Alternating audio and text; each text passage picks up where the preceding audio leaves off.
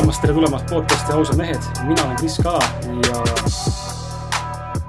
ma tahaks ka öelda, mul on kuradi hea meel täna siin stuudios olla, sellepärast et mul on äh, seltsis kaks imekaunist naisterahvast, äh, kes kohe ka sõna saavad.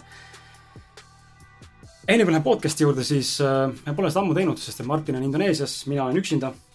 ja, ja pole seda ammu teinud, aga meil on väga palju uusi kuulajaid tulnud ja me kasvame praegu päris jõuliselt, seega ma tunnen, et on igasugune otstarbekus on täna, on täna nagu tänuväärne, tänuväärsel kohal, et räägiks võib-olla natuke põgusalt, mis asi üldse ausad mehed podcast ja kes me üldse oleme, et ausalt meie podcast keskendub isiklikule arengule läbi sellise enesevaatlikkuse ja, ja ütleme, eneseteadvustamise ja enesefilosofeerimise üldse sellise aspekti, kus siis äh, me tõstame erinevate külalistega ja, ja ka ilma külalisteta saadetes esile erinevad teemad, mis aitab meil siis mõtestada iseennast paremini ja, ja seeläbi ka jõuda võib-olla parema, iseenda parema versioonini, iseenda parema mõistmiseni. Ja, ja samuti ka jõuda nii-öelda siis võib-olla edukamaks, rahulolevama elu juurde, õnnelikuma elu juurde tunda tänulikkust rohkem, ma ei tea, näha läbi enda mingisuguseid mustreid, näha läbi mingisuguseid haavasid.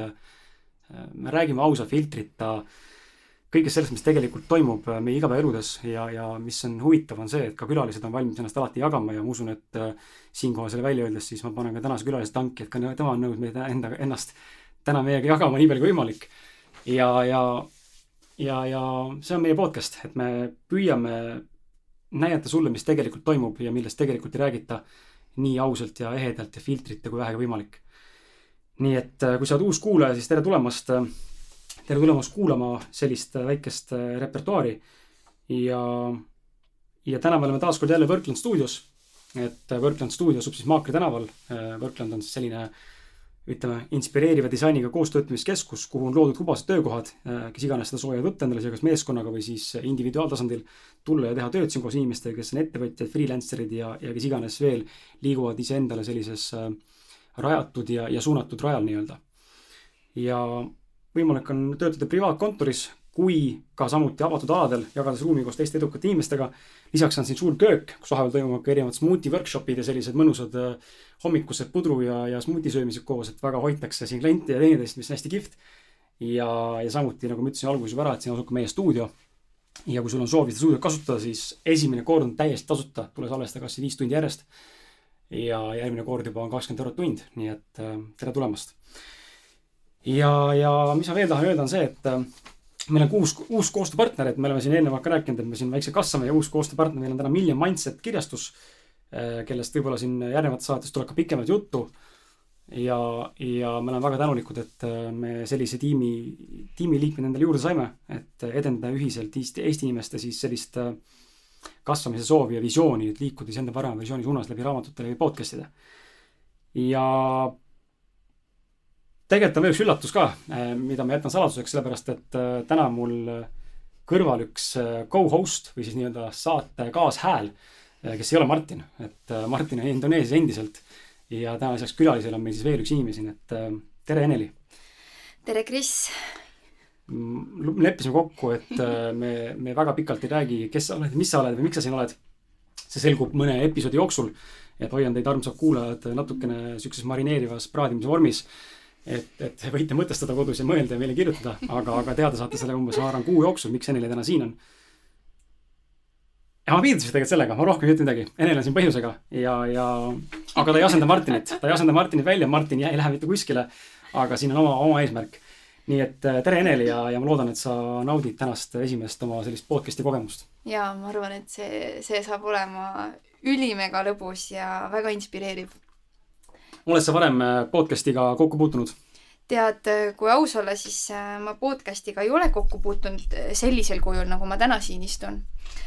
Küll aga ma olen varem inimestega jaganud mõtteid, ideid nii-öelda video vahendusel, otsevideo vahendusel Facebookis. et selles suhtes ei ole see mulle nagu väga võõras, võin siin öelda siin istuda või arutleda või mõelda või jagada. et ähm, aga samas, eks sihuke, ütleme, pisike närv on sees ikka, tead, lõbus elevus väike elevus on alati hea. just. Nii, aga lähme siis saate juurde. neli minti on raisanud teie aega juba. Lähme siis saate juurde ja täna on mul külas äh, Merit Raju, kes on siis joogafestivali korraldaja ja joogaõpetaja, tervislikust ja õnnelikust elustiilist rääkiva ülipopulaarse raamatu Hingele pai ning äsja ilmunud raamatu Vaba ja metsik autor tegelikult on Merit avaldanud lausa viis raamatut, kusjuures mina ei teadnudki seda, väga huvitav, väga huvitav, sellest me täna kindlasti räägime. juba kuus või, väga, juba kuus raamatut, viis on vana info. õppinud on ta TTÜ-s ärikorraldust ja pärast veel Saksamaal rahvusvahelist ärijuhtimist. Alustas kunagi koristajatööst oma armastatud teatrimajas, seejärel asus ta kontoritööd toetavale ametile, millest sai algus, millest sai algus igatsus iseenda tööanda-, tööandjaks olemisele. kuskil maal sündis Meritil selline julge otsus oma lemmiktöölt ära tulla ja seejärel raamat Out of Office ehk aasta kontsakingat välja anda. täna Merit meil külas jagamas enda kogemust, maailmanägemust ja viisi, kuidas elada nii, et elu oleks võimalik ka nautida sellest siin elamisest rõõmu tunda. tere tulemast saatesse, Merit! tere! Sinu äh, saade on täna eriline minu jaoks sellepärast, et äh, mul on tunne, ma ütlen iga kord seda, aga ma päriselt mõtlen seda. eriline sellepärast, et äh, me oleme sinuga üritanud, kui mitu korda saadet kokku leppida saadet ja artikleid ja paljusid asju, et me esimest korda näeme nagu face to face, muidu ja. oli nagu Facebook me oleme päris kaua tegelikult üritanud seda saadet kokku panna ja, ja nagu iga asjaga, et nagu he, iga hea asjaga, et juhtub siis, kui juhtuma peab, kui mõlemad osapooled on valmis. ma arvan jah, sest me kulgeme ju omades rütmides ja siis see peab nagu sobituma niimoodi mõnusasti ja loomulikult. absoluutselt. Äh, aga lähme kohe saate juurde, ma ei hakka üldse siin pikalt äh, sissejuhatust rohkem tegema. Äh, lähme kohe selle sinu loo juurde või sinu selle, ütleme siis nagu teekonna juurde, et jaga meie kuulajate ja, ja minu ja Eneliga siis palun enda teekonda, et sa olid kahekümne kahe, kahe, kahekümne kaheksa aastane kui sa otsustasid enda elu muuta, et mis su elus toimus ja, ja mis ajendas sind muutuse teele, mida oled sa teinud ja kuidas oled jõudnud siia, kus sa tegelikult täna oled?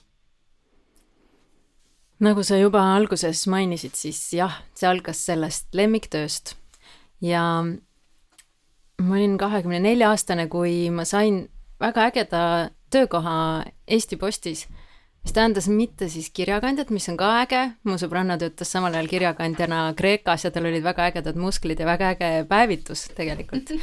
aga ähm, ma sain just kontori poole peal ägeda töö, ehk siis mis sobis minu erialaga, valitud erialaga ja mulle tundub, et ja ma töötasin nagu juhtkonnale väga lähedal, mis tähendas, et ma nägin väga lähedalt nagu nende tööstressi ja nende selliseid boonuseid ja siis nagu seda nagu stressi poolt ja sellist ähm, nagu miinuspoolt ka ja, ja ma töötasin neli aastat seal, aga Eesti Post on, oli nagu poliitilistes tuultes rohkem ja seal selles mõttes juhtkondi vahetus ja siis ühel hetkel äh, olid seal nagu nüansid muutusid minu töös ja siis see ei olnud enam unistuste töö.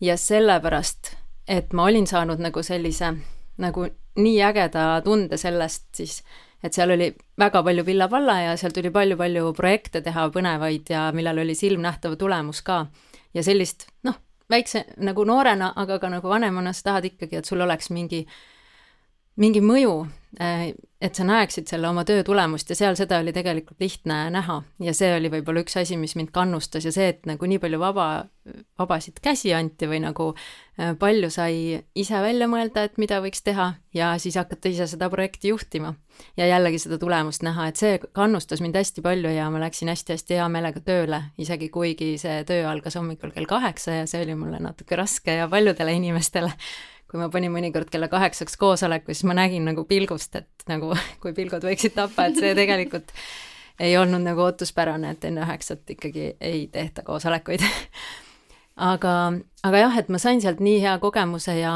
ja see pani mind mõtlema, et olles käinud keskkooli läbi ja ülikooli läbi ja magistrantuuri läbi ja jõudnud töökohani, kus aknad nagu seinad ja aknad läigivad ja kus on äh, äge ja saab kostüümi kanda ja tööreisidel käia. Äh, siis ma tegingi kuidagi nagu kiiresti läbi selle, mul endale tundus nagu mm, nagu praktikandist nagu pensionini või nagu kogu selle teekonna äh, ühel töökohal ja mulle tundus, et ma ei taha nagu sealt kuidagi edasi või kuidagi veel paremaks või kuidagi kuskile või oma ülemuse töökohta või see tundus nagu, et, et seal tuligi hakata ise mõtlema, et mida ma siis päriselt tahan.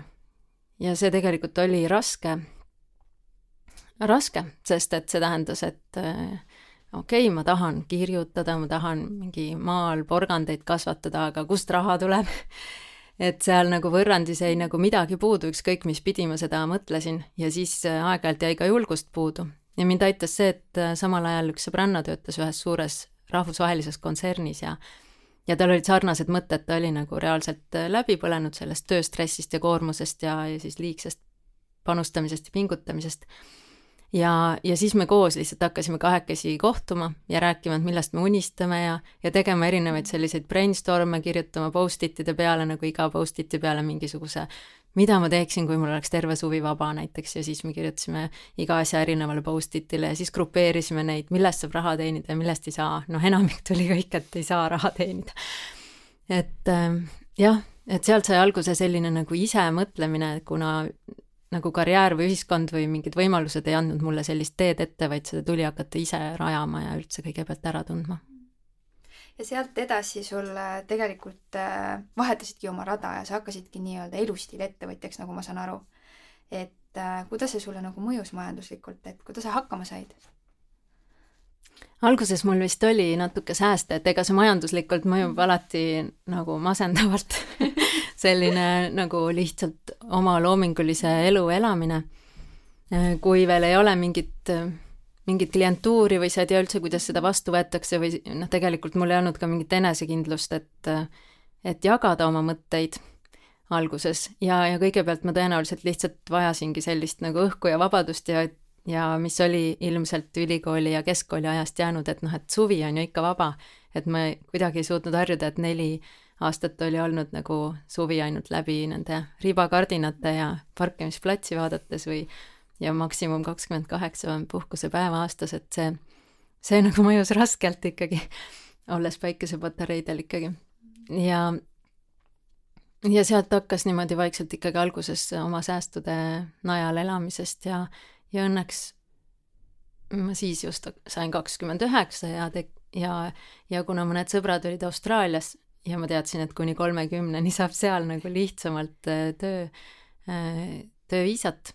Et siis mul otseselt ei olnud nagu hädasti vajadust minna, sest ma olin juba elanud pool aastat Soomes, pool aastat Brüsselis mm,, kolm aastat äh, Saksamaal. Ja ma juba teadsin, et Eesti on kõige parem koht, aga ma mõtlesin, et noh, natuke sooja ei teeks paha ja võib-olla natuke nagu jällegi oma sääste nagu rahakotti täita, nii et ma läksin lihtsalt kuidagi, kuna see võimalus tekkis, nagu koos tööga, mitte lihtsalt, et võiks minna, vaid et mul oli konkreetne töökoht seal ootamas, siis ma võtsin selle võimaluse vastu ja, ja seal teenitud rahaga mm, elasin siis jällegi üks aasta ilma tööl käimata Eestis. aga kas, ma korra segan vahele, et tulles korra selle Austraaliale tagasi, et ja, ja isegi võib-olla Austraalia eelnevale perioodile mm,. mind just huvitab see osa, et sa ei ole inimesena, vähemalt ei tundu mulle inimesena, kes äh, tegelikult teeks asju raha pärast või raha nimel. Äh, ja, ja ma ise nagu resoneerun tugevalt sellega samamoodi ja ma nägin väga tugevalt äh, ja olen tänaseni oma elus näinud, et kui ma teen midagi raha pärast, siis need asjad ei tööta. isegi kui see on näiteks see podcast, oletame, toon nagu näite lihtsalt elus ja näite, et kui see on see podcast ja me mõtleme selle peale, kuidas podcast'iga raha teenida, siis ma näen, et seal on nagu mingid ohumärgid mis võivad tegelikult tekitada selle probleemi, et see podcast mingi hetk saab otsa võib-olla tänu sellele ma hakkan tegema asja raha pärast. ja see on hästi sihuke õhkõrn piir, et kuidas sina nagu tajud seda, seda piiri nii Austraalias töötades, sest meie läksime Austraaliasse raha pärast. It's, it's lihtsalt ei töötanud, ma läksin sanga operatsioonile ja sada ja muud asja ja raha lihtsalt läks käest ära ja ja, ja aga kuidas nagu sul see ja samas seal ongi vaata mingisugune selline, tegelikult paljudel noortel on ka täna, et paljudel on mõttes nii-öelda äh, et oh, tahaks midagi ägedat teha, et kus ma nüüd saan selle tasakaalu, selle tunnetuse kätte, vaata, et, et, et ma ei tee nüüd asju raha pärast, et ma teen midagi nagu enda pärast, aga samas mingid asjad on mul, on mul vaja teha selliselt, et noh, elada, on ju mm. -hmm. kus see õhuke piir on? kuidas ära tajuda seda, et kas ma pean seda tegema või ma push in ennast läbi nii-öelda olles justkui jutumärkides ühiskondlikus mõttes nagu vaene ja kasin, aga ma vähemalt naudin oma elu ja oma asja või ma peaks ikkagi hakkama raha teenima jaa, see on see miljoni euro küsimus, et äh, jah, tihtipeale tulebki ikkagi ise leida see, et võib-olla mul on siin kaks lugu. üks on tegelikult hilisemast ajast, kui mind koondati siis, kui mul ei olnud plaanis endal see, sest mul oli pangalaen ja ja, ja siis, siis ma läksingi tegelikult Lõuna-Eestisse küsisin töökaaslase käest, et kas ma võin su talus ööbida, sest ma sain aru, et ei käi seal, sest et kaheaastasele lapsele nii pikk sõit ei sobi ja see talu oli seal üksi. Ja ja mul ei olnud siis endal veel last, ehk siis ma olin nagu vabam minema, et siis ma tegin reaalselt nii, et ma rentisin välja Tallinnas oma selle laenuga korteri ja elasin seal nagu küttepuude eest.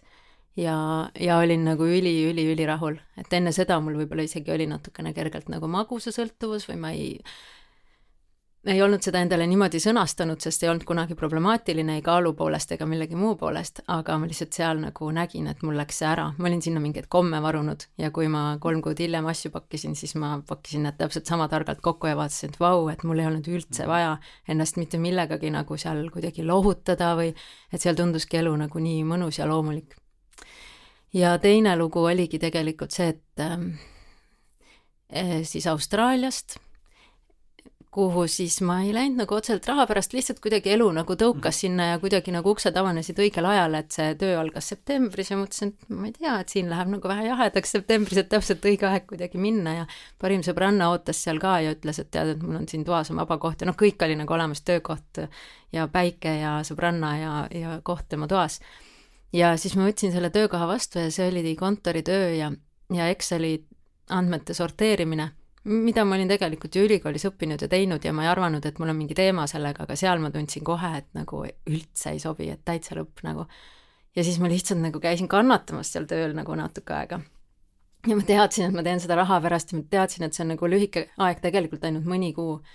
ja ma tundsin, et ei saa ennast üldse sundida nagu selleks mis nagu lõpuks lahendusena tuli, üks leevendav asi oli see, et seal oli, ma mäletan siiamaani tööaeg oli neli, ei mitte neli, seitse tundi ja kakskümmend üks minutit oli siis täiskohaga töö. nagu see oli nagu natuke varem, jaa, täpselt. Natuke varem kui kaheksa tundi, on ju. et oli natuke vähem kannatamist, kui oleks olnud keskmise tööga kuskil mujal, palk oli noh, nädalaga ma teenisin sama, mis kuuga Eestis, et selle võrra oli nagu parem. See nagu sutsuke motiveeris, aga võib-olla ainult nagu esimese tunni hommikul ja, ja ülejäänud asi läks korda mõne kuu pärast, kui, kui nad said aru, mis mulle tegelikult nagu teha meeldib ja ma olin nagu sellega natuke silma jäänud, mis mulle teha meeldib, ehk siis mulle meeldis seal ka nagu esineda ja jagada seda Eesti kogemust, kuidas meie tuludeklaratsiooni internetis täidame ja ja lihtsalt telefoniga pargime ja nii edasi, et neil oli see see kõik asi oli nagu nii palju tagapool ja siis neil oli nii huvitav vaadata mind nagu inimest mingist tuleviku ulmefilmist, aga nagu päris inimene ja räägib ja teeb screenshot'e oma nagu tuludeklaratsioonist. et siis mind saadeti nagu selle firma erinevatesse linnadesse nagu esinema juhtidele ja niimoodi ja ma sain nagu jagada seda ja see oli mulle hästi, hästi tore. et siis läks nagu heaks ja ma võisin nagu natuke seda Excelit ka sinna juurde teha, et kui see ei olnud enam sada protsenti Excel ehk siis, mis mu point on see, et tulebki, ega ei saagi, noh, mm. raha pärast ei saa ja tuleb siis äh, leida enda jaoks see tasakaal selle Exceli ja esinemise vahel, mis sinu jaoks on nagu hea või sinu Exceli ja sinu esinemise vahel, et mis see hea oleks. hästi huvitav, see on lihtsalt nagu lihtsalt see raha teema ja, ja kirja jälgimine on selles mõttes see sümbioos või siis vastuolu on nii mingil määral nagu nii huvitav, sest et äh, mulle endale tundub ja, ja see tuleb mu enda kogemusest ja sellest, mida ma näen tegelikult tänases ühiskonnas, eriti noorte pealt mitte ma ise olen mingi penskar, aga kes on samamoodi noor, aga lihtsalt ma näen seda, kuidas äh, kogu aeg me ketrame seda, mida saaks täna teha, et saaks teenida kõvasti pappi. aga, ja nii kui me laseme lahti sellest loost, et ma nüüd, noh, ma ei aja taga enam seda raha. võib-olla see ei vasta kõigi puhul tõele, minu puhul vastab.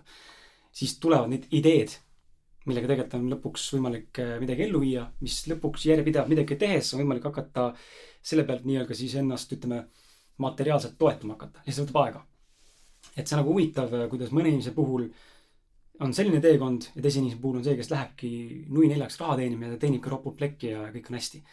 et äh, noh.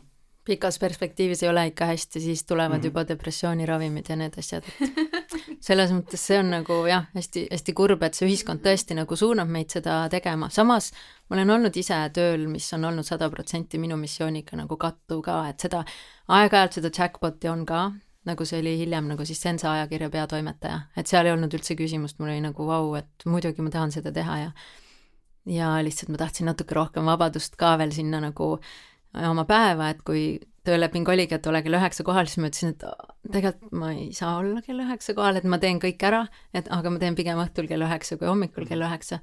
ja, ja siis nad ütlesid, et no see on meil lihtsalt see standardlepingu põhi, et noh, et me teame, et sa tegelikult ei tule üheksaks. et, et kui sellist noh, ja jällegi, see on see isiklik tasakaal ja minu jaoks sobis see pigem õhtul tegemine, kui mõne teise jaoks ongi five am on ju, hommikul kell viis üles ja siis teed tööd, et et sa leiad enda selle õige asja ja siis oledki kõige paremini oma elu flow's või niisuguses voos.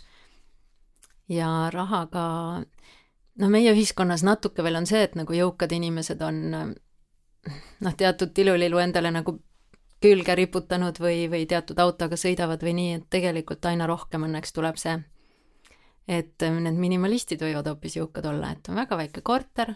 rikkad boheemlased. jah, just, ja see on nagu, et ei tekita endale nagu paksult kohustusi, vaid, vaid mõtlen, mis mul tegelikult vaja on, et nagu mul on vaja nagu toredaid sõpru ja toredat elukaaslast ja ja nagu maitsvat toitu, aga see ei pea alati olema nagu maitse tugevdajaga toit kuskilt sealt valmis lõunasöögikohast, vaid tegelikult on nagu keedetud brokoli, oliiviõli ja soolaga super hea nagu, et ähm, et jah. hindad elus nagu väärtusi ümber, et hakkad ja. nagu hoopis teisest küljest kõike vaatama. nii inspireeriv kuulata selles suhtes, et äh, ma ise olen täna täpselt, saan kakskümmend üheksa varsti kohe-kohe. ja, ja ma nii palju nagu tunnen ära seda ka, et äh, ma olen umbes äh, ütleme aasta tagasi hakkasin ka oma elus nagu selliseid muutuseid looma, et otsustasin, et ma hakkan nüüd valima nagu oma südame järgi. et ma ei vali enam ka nii-öelda selle järgi, mis mulle kõige paremini nagu raha toob ja, ja või noh, ühesõnaga hindasin enda jaoks ka väärtused ümber ja siin nii huvitav on kuulata just Meritit selle koha pealt, et ma näen, et ta on kuskil seal tulevikus kuhu ma nagu liikumas olen, onju. aga, aga mind täiega huvitab see, et sa ütlesid, et ähm, et, äh, et mingil hetkel sa tegid tööd, mis kattus sinu missiooniga et mis see sinu missioon täna on või kuidas sa selle leidsid? missioon on aidata inimestel, need sõnad on kõik siit läbi käinud, aga nautida oma elu rohkem ja, ja tõesti nagu olla täiesti terve, teha seda, mida nad soovivad ja, ja nagu noh, õitseda ja särada oma elus ja tõesti nautida seda ilma antidepressantide ja, ja unerohuta. nii ilusti öeldud, rohkem pole ka öelda, et aitab küll vist väga lahe, väga lahe. just jaa, Eneli, sa võid, äh, sa võid küsida. võin küsida veel, on ju. Ähm, jah, mul on üks, äh, üks väga hea küsimus, mille ma tegelikult ise täitsa nagu ette valmistasin ka, et et nii-öelda see elustiil ja ettevõtlus on olemuselt sulle siis nii-öelda südamelähedane töö ja tegevus, on ju. aga et kuidas sa tunned, et kas sinu elu on rohkem siis kulgemine ja tunned, et oled justkui toetatud ja asjad kulgevad libedalt ja suures osas sinu kasuks või pead siiski tegema raskeid pingutusi, seadma eesmärke ja nende nimel end ka tööle sundima, isegi kui tunne on sees, et sa ei tahaks hetkel eesmärgiga tegeleda. see taandub jälle samasse eelmise küsimusse mm,. sellega, tegelikult jälle. aga võib-olla sügavuti on ju, et, et ja, ja võib-olla ka eelmise jutu juurde taandub see tagasi, et igaühel on oma nagu see tasakaalupunkt, et loomulikult on hästi palju kulgemist ja ja sellist oma päeva ise kujundamist ju, kui päike paistab, siis ma nagu lähen kindlalt jalutama, mitte ei istu arvutis ja ja suvel vahel töötan rannas või ma elan botaanikaaia juures, et siis seal on nagu nii ilus, kõik hoolitsetud aed ja mm, ja samas on vaja ikkagi nagu ennast kokku võtta aeg-ajalt ka ja näiteks ähm, hingele pai ajakirja tegemise aeg, esimene aasta, mis ma arvan, et on iga, iga beebiga ja iga ettevõtlusega see esimene aasta, et sa pead panustama lihtsalt väga palju ja, ja et see kõik nagu käima saada, kõik need protsessid või see toode iseenesest, aga üldse, et inimesed leida, kes, kes tahaksid, kes, kelleni see toode siis nagu jõudma peaks ja ja sellega oli nagu hästi-hästi palju tööd, et siis oli küll nii, et magama ei saanud minna, et oligi nii, et ma pean seda tegema, sest muidu ei ole seda mõtet üldse teha, tähendab, ma pean siis üleval olema ja tegema nagu kauem, kui mul endal tegelikult mugav ole, mugavam oleks. ja ja see kindlasti seal osaliselt ei olnud kulgemine, et kõik see nagu peatoimetamise pool ja ajakirja sisuline pool oli kulgemine ja, ja paljud muud asjad seal ümber oli nagu hästi suur pingutus, mingite andmete sorteerimine, Eesti Postiga, ma ei taha öelda jagelemine, aga aga nagu noh, meie siis nemad oma vajaduste ja meie oma vajaduste siis selgitamine teineteisele ja ja ja igasuguste finantstabelite täitmine ja, ja siis aeg-ajalt lihtsalt füüsiline logistika, mingite kastide kuskile viimine ja, ja laadal äh, käimine nädalavahetuste kaupa kuus nädalat järjest ja et sellised asjad on, kus sa pead aru saama, kus sa pead kokku ennast võtma, sest muidu ei tule mitte midagi nagu välja. See on huvitav, et sa mainid seda, sellepärast et ma ise olen täna sellises seisus, kus äh, ähm,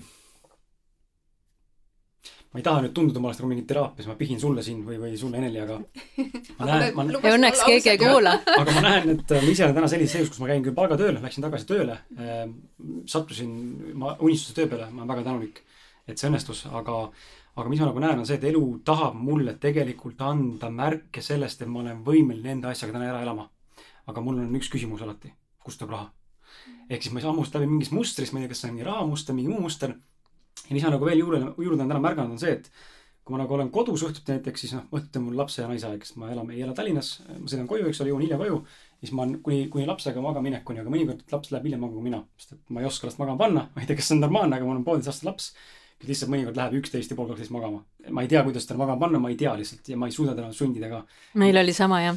et nagu ma lihtsalt ei tea, kas ma teen midagi valesti või lihtsalt ongi energia, energia laps, aga, aga et õhtuti see aeg, kui laps läheb magama, siis tegelikult võiks ju kasvõi tund-poolteist näpistada, et enda asja teha. aga selleks ajaks ma tegelikult tunnen, ma tahaks naisega kahekesti olla, tahaks lihtsalt olla kasvõi mingi tund aega või lähen magama, sest ma ärkan tegelikult varakult. et kuidas nagu, küsimus sulle, kuidas, kuidas nagu selles maailmas siis tõesti, noh, sa mainid sama asja, kuidas seda navigeerida, et kus ma nagu siis et see esimese aasta jooksul või, või esimese kahe aasta jooksul enda asja tegemisel on vaja ohverdada nii-öelda mingil määral ohverdusi ei pea olema halb sõna, aga oleme ohverdanud, on vaja teha midagi, mis võib-olla lühiajaliselt on raske, vastik. et kuidas sellest ikkagi üle minna sellesse, ma täna näen, ma tegelikult vist pean tegema seda, aga ma ei suuda päris sada protsenti nüüd teha niimoodi, et ma olen siis okei okay,, ma nui neljaks teen lihtsalt. Mis on sinu arvamus? ma arvan, et eh, jah, võin juba isegi kogemusest rääkida, et ega kui laps on väike, siis ja siis mina tegingi oma une arvelt ja seda ma ei soovitaks tegelikult kellelegi lõpptulemusena. ma iga päev sain valida, kas ma seda teen või ei tee ja, ja, ja tundsin, et see teeb mulle liiga, aga ma ei osanud ikkagi ka teistmoodi, et noh, ideaalis, kui meil on nii väiksed lapsed, siis me ei tee seda tegelikult. võtamegi mingi aja, fine, teenin praegu raha, vaatame, et võimalikult vähe kulutame, et läheb võimalikult palju kuskile säästukontole ja, ja ja kui siis nagu nädalavahetusel tekib see nagu mõnus, laps magab kolm tundi lõuna olnud, ma ei tea, kas nii teil õnnestub? mõnikord õnnestub. et siis on nagu sinu aeg ja siis nagu teed et ma arvan, on mõistlik nagu öösiti nagu naisega olla sest et ka suhted hakkavad ka väga kergesti kannatama selle all ja, ja siis noh, tervis, kui sa oled ka alla kolmekümne, siis ei ole veel teema, aga aga noh, seal kuskil niimoodi neljakümne ligi, viiekümne ligi, siis, siis saab väga kähku aru tegelikult, et ei tohiks seda nii teha, et korra, Eneli, sul, sul veel last ei ole täna? ja mul veel ei ole, aga mul on, äh, mul on selles suhtes äh, vanem laps, äh, kasvutütar on mul ja, ja temaga on jälle teistsugused väljakutsed, et ta on nüüd, saab suvel kaheksa. Et sul vist on. mul on seitse. seitse jah, et, et sellises vanuses on natuke teistmoodi, et tema on meiega ka väga tihti, et ta käib, ta ema elab meil väga lähedal ja äh, ta käib koolis, ta iseseisvalt õpetasin alles hiljuti teda, koos käisime trolli peale ja tagasi ja tegelikult oli väga lõbus ja tore ja ta on selle aja jooksul meid väga palju rõõmsalt üllatanud, mis on üliüliarmas temast. ta armastab väga kingitusi teha. Ja siis ta on täitsa oma südamest, täitsa oma rahaga käinud ja toonud selliseid imelisi asju vahest, et see lihtsalt tead nagu südamest tuleb nii tugev tänutunne sisse, et see on lihtsalt nii armas. Ja, ja seal on jah, ma ei tea päris, mul ei ole, puudub jah täna see kogemus, aga meil on ka plaanis ühel päeval, täna ma natuke lükkan edasi, sest et ma olen täna oma elus is isiklikult sellises kohas, kus kus ma nagu tunnengi seda muutust, et mul on vaja nüüd teha see eh, nii-öelda ka see samm nagu selle poole, et tehagi nüüd enda asju. mul tegelikult on selles mõttes, ma olen nii tänulik, mul mees on olemas, kes mind nii tohutult toetab majanduslikult. et, äh, et ta ei, ta ei ütle mulle, et sa pead minema tööle, sa pead meie jaoks raha teenima, ma teen seda, ma teen seda tasapisi, ma teen seda Äh, sellised, et ma teen neid asju, mis mulle päriselt meeldib teha. et, äh, et ma olen julmalt sellise otsuse täna teinud, et ma selles, selles mõttes olen elule nii tohutult tänulik, et mulle on antud see võimalus. Et, et ma ei pea võib-olla nii väga nagu passima või nagu raskelt nagu kuidagi läbi, läbi, läbi seda teed minema, et ma ei tea, võib-olla on seal mingi suurem asi ees ja ma täna tunnengi, et midagi suuremat, mul on nii palju, selle valikuga on tekkinud nii palju projekte sisse, mis ma vahepeal juba tunnen ise, et ma ei tea, kas ma hooman ära, et kuhu ma nüüd, ma pean nagu hakkama prioriteedid paika panema, et nii, millega ma nüüd alustan ja millega ma nüüd alustan, et ja kõik on sellised, et oh, ma tahaks kõike teha. Tore. ja meenutab mind ka, no tegelikult ongi seda patakat on rohkem nagu nooremana, patareid siis mm. -hmm. ja, ja, ja noh, ma nägin, et Kris ei olnud päris rahul mu vastusega ka, et noh, et sa ikka mine magama, ega sa ei näe siis häid unenägusid, kui sul on nii, et elumissioon jääb nagu praegu takerdub, onju ega tööandjaga saab ka rääkida, et mul on vaja reedet vabaks nagu päriselt ja siis ma olengi nagu full on nagu esmaspäevast neljapäevani sinuga, teiega ja, ja ma pean lihtsalt nagu endal selle aja võtma. aga, aga ma... lihtsalt, et une arvelt ega suhete arvelt ega lapse arvelt see otseselt ei oleks, on ju. tahtsingi selleni jõuda, et enne kui lähme edasi, et see ei ole üldse meil täna kavas kellel, aga, aga mulle just meeldib see, et mulle tundub, et sinuga tegelikult saaks eraldi teha ka saate lapse kasvatamisest, aga ah, ja kuidas selline tasakaal pere ja tööelu juures, aga et kuidas äh, eh, kuidas ikkagi seda nagu, selles mõttes, et me ei ohverda ei partneri ega lapsega, lapse kõrvalt asju. Aga mind just huvitab see, kui palju sind tegelikult äh,, sinu elu mõjutas selle perioodi, kui laps oli väike, kus sa noh, ma ei tea, kas sa imetasid rinnaga, seda ma ei tea. Äh, on see kohane küsida, ma ei tea, aga ja ikka imetasin ja joogaemad püüavad nii no kaua just. kui võimalik ja kaks aastat. aga see on ju tegelikult suht, noh, see on nagu imetamine, mul täna vaatan oma naist, see on nagu täiskohaga töö, et, et you never know, millal on vaja, onju, aga, aga reaalselt, et seda oma aega on nii vähe et, et kas, kas, kas laps ka tuli võib-olla suhtesse selles mõttes mingeid äh, asju nagu lööma, lahkhelisida kuidagi, mõjutama? või pigem ei olnud seda niimoodi drastiliselt, meie täna näeme, et ikka tegelikult ikkagi, kui ma laseks lapsel kõiki asju nii teha, et ta teeks, siis tegelikult ta lööb kiilu ikka päris tugevalt suhtesse, kui ma teadlikult ei ole suhtes täna kohal. ja, ja muidugi. suures pildis mõttes ma püüan meenutada, mis sellel ajal oli, sest et praegu meil on lapsega kahekesi, aga ma ei ütle, et see on nagu töö pärast või see on mhm. sellepärast, et laps sündis, mõnes mõttes laps on nagu see lakmuspaber, et see nagu noh, on selline test suhtele, et kui tugev, kui nagu jah mm,, kui teadlik suhe on, et selles mõttes meie suhe ei pidanud vastu sellele lapse proovikivile küll. ja aga ma ei seostaks seda tööga -hmm. ega ka otseselt lapsega, see oli lihtsalt nagu mõned asjad lihtsalt peavad minema teatud -hmm. moodi ja mõni asi lihtsalt toob mingid asjad paremini nagu peeb-, peeglisse või nagu nähtavale. midagi ma tahtsin veel vastata sulle selle kohta, mis sa küsisid. Läks meelest, tahtsid valeta? aa, seda, seda, ei. et mis oli natukene nagu kaudsemalt seotud, aga minu jaoks nagu otsesemalt, et mul tegelikult äh, ehk siis, et jah, kui sa ei saa nagu oma und kompromissida või nagu anda tööle, sa ei saa oma suhet nagu anda nagu tööle või oma noh, sellele missioonitööle ega oma lapsega suhet, siis nagu mingeid asju siiski saad ära anda, näiteks äh, mul aitas ema nagu reaalselt kolm aastat tegi mulle süüa, nagu mm -hmm. iga kord, kui me nägime mingi üle päeva või nii, siis ta tõi mulle mingite purgi, purgikeste ja potsikutega süüa ja ma nagu võtsingi selle vastu, olles ise mingi kolmkümmend viis pluss, aga nagu fine, et kui tema sai seda teha ja see nagu kergendas minu seda, et mida ma poest toon nagu, kuidas ma saan hakkida, kui mul on laps tegelikult süles ja kaks kätt kinni või et see kõik nagu kadus ära ja ma otsustasin, et ma võtan seda vastu täpselt nii kaua, kui tema jaksab ja nii kaua, kui mina tunnen, et on okei okay. ja kui laps sai kolm, siis ma ütlesin, et okei okay,, et nüüd ma saan nagu ise hakkama endaga ja ma tahaks endale tegelikult ise jälle süüa teha, et valida, et täna on supipäev ja täna on mingi muu päev. ja ja, ja ostsin tolmuimeja roboti. Ehk, ehk siis nagu see on see naiste kohustus, et äh, nagu sageli enamasti. äh, et need toad oleksid korras, et siis, siis see meid aitas hästi palju ka. et siis selle peale nagu majapidamise ja toidu tegemise peale ei läinud nagu aega, et ma ei tea, mis meeste ekvivalent on, on ju, sa pead ju trennis ka käima, on ju. meil on täna, sul on tahtsin öelda, sul on vedanud, mina teen täna vanavanematele süüa ja enda naisele süüa koristan kodus ka, et meil on no,, meil on see, ma natuke teistmoodi jah täna ja,. jah, jah, täpselt, et ei saa. ja mingi aeg oli mul nii, et sõbrannal oli kohvik ja ma ütlesin, et too mulle õhtul nagu toidujäägid ja siis ta tõigi, noh, need olid head toidujäägid, sest tal oli rohujuure kohvik ja, ja kõik taimsed värgid, et et ma nagu iga päev ootasin põnevusega ja kori-, koriseva kõhuga. mis nüüd teha ja, ja täpselt.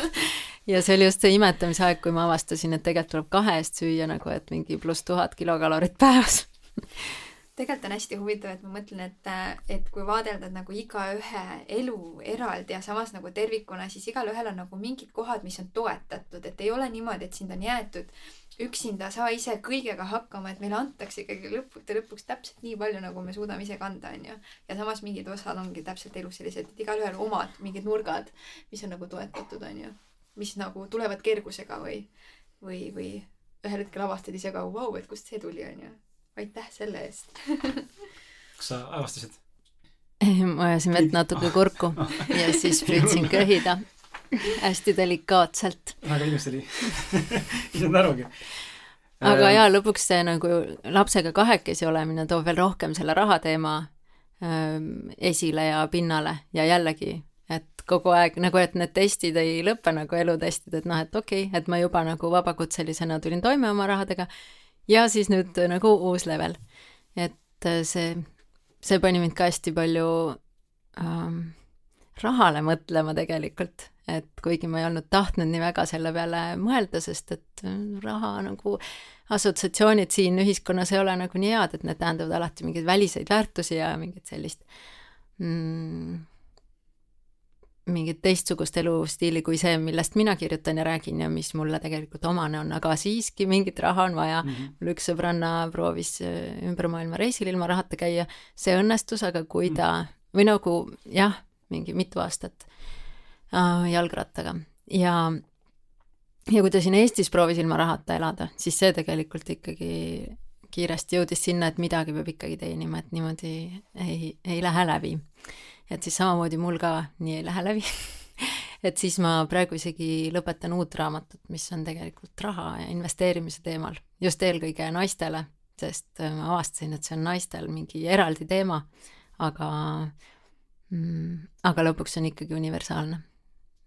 et seda on ikkagi kõigil vaja ja, ja ja ta on sarnane minu jaoks nagu tervise teemaga, et tuleb see vastutus nagu ise võtta, mitte loota, et no jaa, ma võin siin nagu öösel ärkvel olla ja igasuguseid asju süüa ja üldse mitte liigutada, et küll ma pärast perearsti juurest saan selle nagu mm, -hmm. nagu mingi retseptiravimi ja kõik on okei okay.. et samamoodi noh, teie veel pensioni peale ei mõtle, aga mina vaikselt hakkan mõtlema Äh, olles nelikümmend pluss, et äh, jah, ja siis pigem see lapsega kahekesi olemise aeg pani ka nagu mõtlema, et okei okay,, et aga tegelikult ma olen nagu täitsa enda eest pean ise hoolitsema. Ja, ja minu jaoks see finantsiline tervis ja füüsiline tervis on nagu üpriski samasugused, sarnased teemad just selle vastutuse mõttes, et sa ei saa veeretada kellelegi, et äkki mees maksab, äkki riik hoolitseb, äkki midagi on. ei ole, et sa ju tegelikult pead mingil määral nagu ise midagi tegema ja siis ülejäänu usaldama, et kõik sujub. jah, see ongi, kusjuures ma ei tea, kas sa nõustud minuga, ma olen ise täheldanud seda, et olemata sellest, et mul mees nagu toetab mind, siis mul näiteks on iga kuu mingid väljaminekud, ma käin näiteks koolis Mainoris, see tähendab, et ma iga kuu pean maksma üle kolmesaja viiekümne euro, pluss siis, äh, kui ma käin turundust õppimas, siis ma pean mentorile tasuma, et mul on nagu teatud väljaminekud olemas. Ja ja ühel hetkel ma nagu äh, tabasin ära selle koha, et, et kui ma lasin nagu lahti, et ma hakkasin usaldama, et äh, et kõik tuleb. Äh, ma valin lihtsalt teha neid tegevusi, mis mulle meeldib, aga et kõik tuleb, olenemata sellest, ma ei pea pingutama, punnitama ja minema sinna sellisesse hirmuenergiasse selle jaoks, et, et nüüd, et kust ma selle raha saan, vaid see tuleb, see lihtsalt tuleb ja ma tean, et see tuleb. ja sellel hetkel, kui ma sellise nii-öelda lahtilaskmise tegin, siis ma nagu märkasin, et ja toimibki ja nii ongi. et, et, et kuidagi selline, et ma nagu küsin, ma nagu fokusseerin sellele, et jah, mul on nagu eesmärk selline, et ma pean sellised väljaminekud tegema, et, et kuidagi justkui andsin nagu mõista, ma ei, ma ei oska öelda, kas see on siis suhtlus universumi või, või millega iganes, aga, aga et kuidagi mingi selline usaldus on tekkinud ja, ja täna ma nagu tunnen, kuidas see kasvab kogu aeg et, et kas sa resoneerud sellega, mis ma sulle räägin või, või kuidas sina, kuidas sina, sina seda mõtestad? jaa, kes on nagu sada protsenti usalduses seda suudab luua, siis super, mul on nagu mingi nagu ma, ma ise tunnen, et ma pean ise midagi ka tegema või siis lihtsalt mingitest valikutest tegema mingi valiku, mis on nagu äh,, nagu ratsionaalne ka, no näiteks äh, mul on hea meel, et ma võtsin kodulaenu, nüüd on kodulaen makstud, nüüd on nagu lihtsalt nagu elektrikulu sisuliselt või selline minimaalne kulu ja siis ülejäänud rahaga saan siis teha midagi muud nagu, näiteks ma ähm, järgmiseks nädalavahetuseks mul oli üks esinemine kokku lepitud ja, ja noh, olles ise igasuguseid asju korraldanud, siis äh, ma loomulikult tean, kui suur vastutus see on igas mõttes, kaasa arvatud, et seda ei öelda ära, et ma ei tule esinema nagu. aga kuna mul laps läheb esimesse klassi ja meil on selline väga nagu just need kooliintervjuude aeg, siis ma, ja see oli täpselt samal kellaajal kui see esinemine, siis ma ütlesin, et ma ei saa tulla. ja siis, äh, ja siis see oli tasuta esinemine ja, ja ma vaatasin, et jube raske on endale asendajat võtta, sest ma võtsin selle kohustuse, et ma leian endale asendaja, kes on nagu vähemalt samaväärne või parem loodetavasti. ja, ja siis ja siis ma ei leidnud, sest et inimesed ei taha tasuta midagi teha ja ma mõtlesin, et mina olen nagu seal heas kohas, et ma sa-, saan valida ka tasuta teha asju, kui mulle tundub see tore. Ja tegelikult pärast äh, mõni, mõni päev hiljem see korraldaja ütles mulle, et kust sa üldse võtsid, et tasuta, et minu meelest me rääkisime rahas läbi. et selles mõttes ma ei olnud tähelegi, tähelepanugi pööranud mm. nagu sellele ja mis on nagu tore koht tegelikult asju teha ja mis on ka selline usalduse koht tegelikult. aga nii, nagu me rääkisime, kulgemise ja pingutuse tasakaal või siis nagu nii-öelda vastumeelse töö või noh, vastumeelset tööd ei saa teha, aga ütleme, selline natukene nagu peab töö ja selline tõeliselt nagu tahan töö, et selle vahekord selline mõnus tasakaal leida, siis samamoodi on selle rahaga, et väike pingutus ja usaldus nagu nende vahekord, aga mitte hirm kindlasti, jah. ma arvan, et siin väga palju võib-olla mõjutab ka sellest rahast, lihtsalt äh, korra tahtsin öelda seda ka, et väga palju, mis võib mõjutada, mulle tundub, on see, kui, kui money driven sa nii-öelda inimesena oled ka mm -hmm., noh, kui sul ikkagi on oluline see materiaalsus, mis on kõigi jaoks mingil tasemel oluline ja seda on vaja nagunii, aga kas sinus on see raha ambitsioon nagu sees nii tugev mm. -hmm. sest ma näen enda ümber inimesi ka, kes on siin noh, tunnen Bolti loojat ja tunnen ka mingeid teisi mingeid noorte mingite mingit pankade loojaid, kes on minust nooremad kotid. varaväärtus on üle kolm, ma ei, mis iganes numbrite noh, nagu aga see ongi, ma näen ka millega nad tegelikult, neil on see, neil on see drive, nad tahavad seda teha. minul ei tekita seda, et mm. -hmm. et ma arvan, et siin on hästi oluline inimesel endal kuulaja, ma arvan, sul ka panna südamele, et et äh, kui sa nagu näed või kipud ennast kellegagi võrdlema, kes teenib sinust, ma ei tea, kümme või mis iganes X summa rohkem või vähem, et tasuks nagu küsida ka, kas, kas ma tegelikult nagu ise tahaksin sama asja teha. tihtipeale me oleme kadedad kellegi üle, et ma mõtlen, et oi, et ma ei tea näiteks, et oi, et Merit Kriste kirjutavad raamatut ja Kriste podcast'i või et oh kihvt, et aga mm,. onju, aga nüüd, kas sa tegelikult ise tahaksid teha seda asja? kas sa naudiksid protsessi?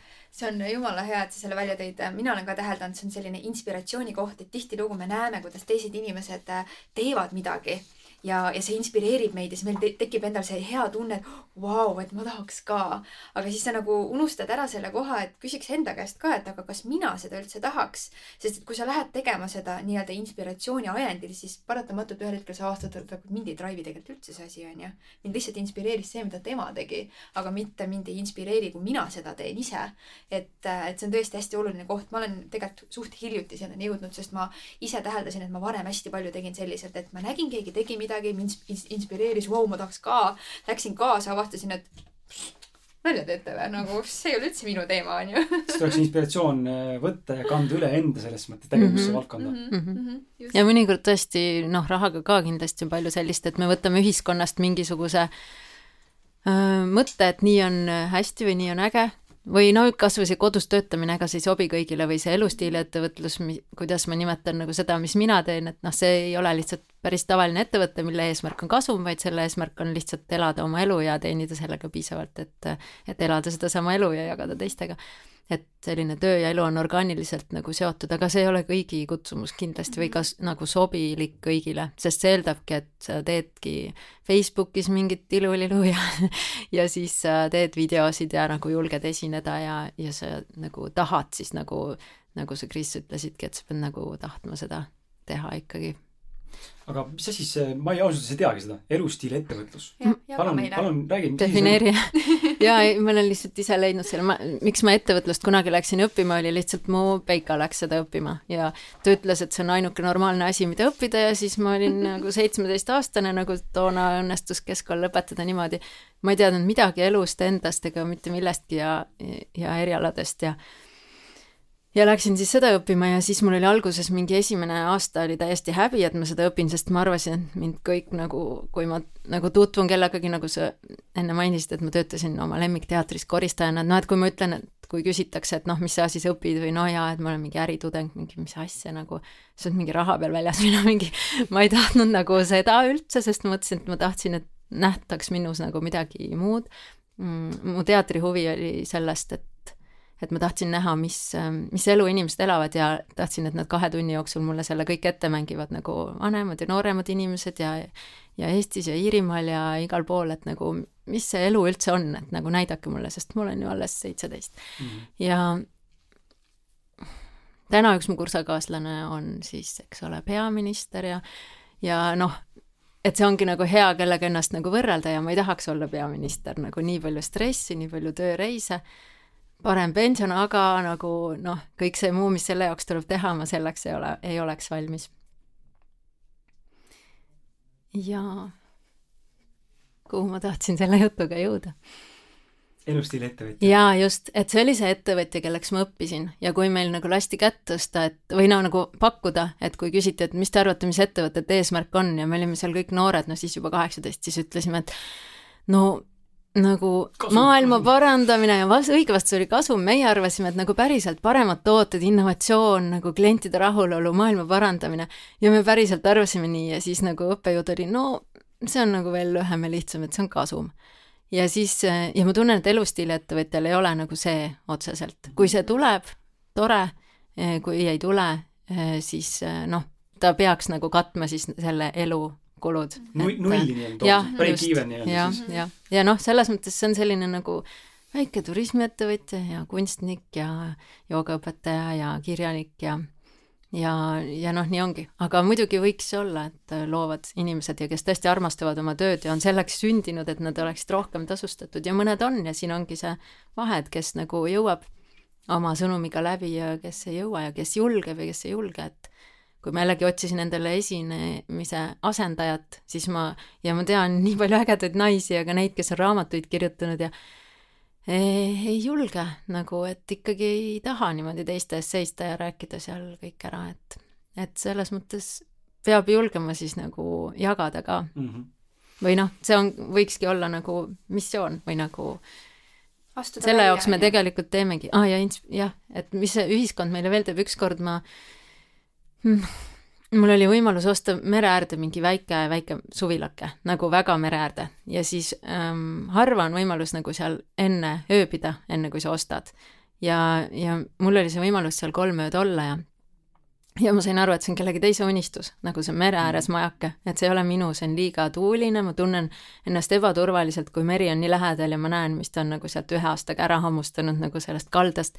et kui ma arvutan nagu, et viie aastaga ta on mul nagu täpselt akna all, et siis mul nagu ei olnud nagu turvaline ja, ja ma tundsin, et et vau, et ma olin lihtsalt selle kuskilt võtnud, et mere ääres on äge suvila mm, ja endiselt ta postkaardi peal ongi äge, aga seal füüsiliselt olla ei olnud nii hea, kui ma olin lootnud mm. nii et omal nahal nagu sa, Eneli, tegelikult ütlesid, et sa lähed kellegi teise inspiratsiooniga kaasa, see on ka tegelikult hea, sest sa mhm. tunned omal nahal ära, et aga see ei olnud. ja siis kõik, mille kohta sa tead, et see ei olnud, see on ka nii väärtuslik info mm. on küll, on küll, et see on kogemus ja kogemus on kõi-, alati kõige parem õpetaja üldse, et, et, et jah, ma olen nõus sinuga.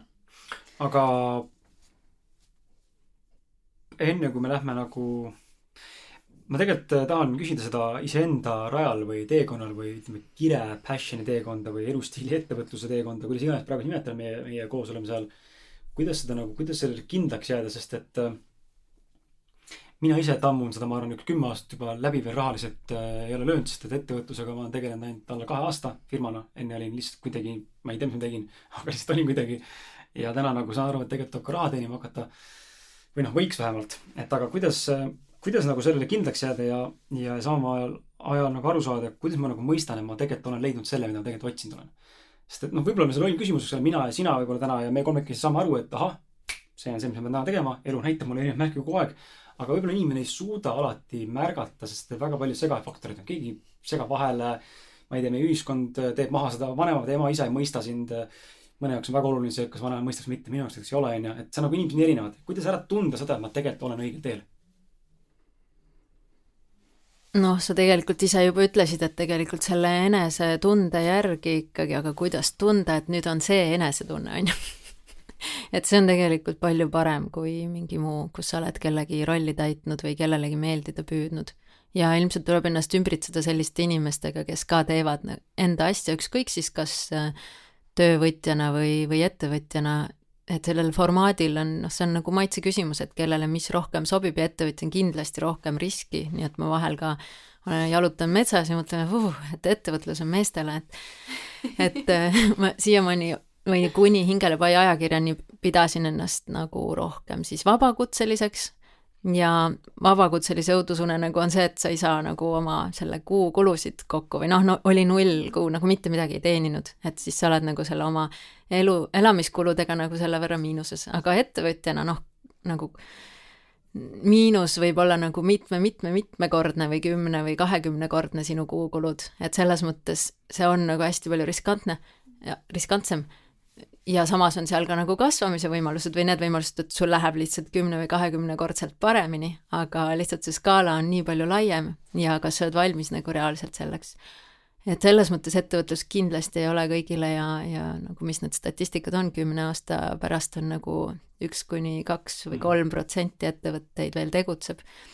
et ähm, aga äh, seda rahulolu saab tunda ka töökohal ja, ja töökohal tihtipeale ongi teatud mõttes parem, et sul ei ole vastutust nagu kogu selle eest, et logistika, IT nagu turundus, kõik asjad, sa teed ainult seda ühte valdkonda ja kui see on tore firma ja, ja sina oled nagu selline, näitad, et mida sa veel tahaksid teha, siis sulle antakse veel ülesandeid.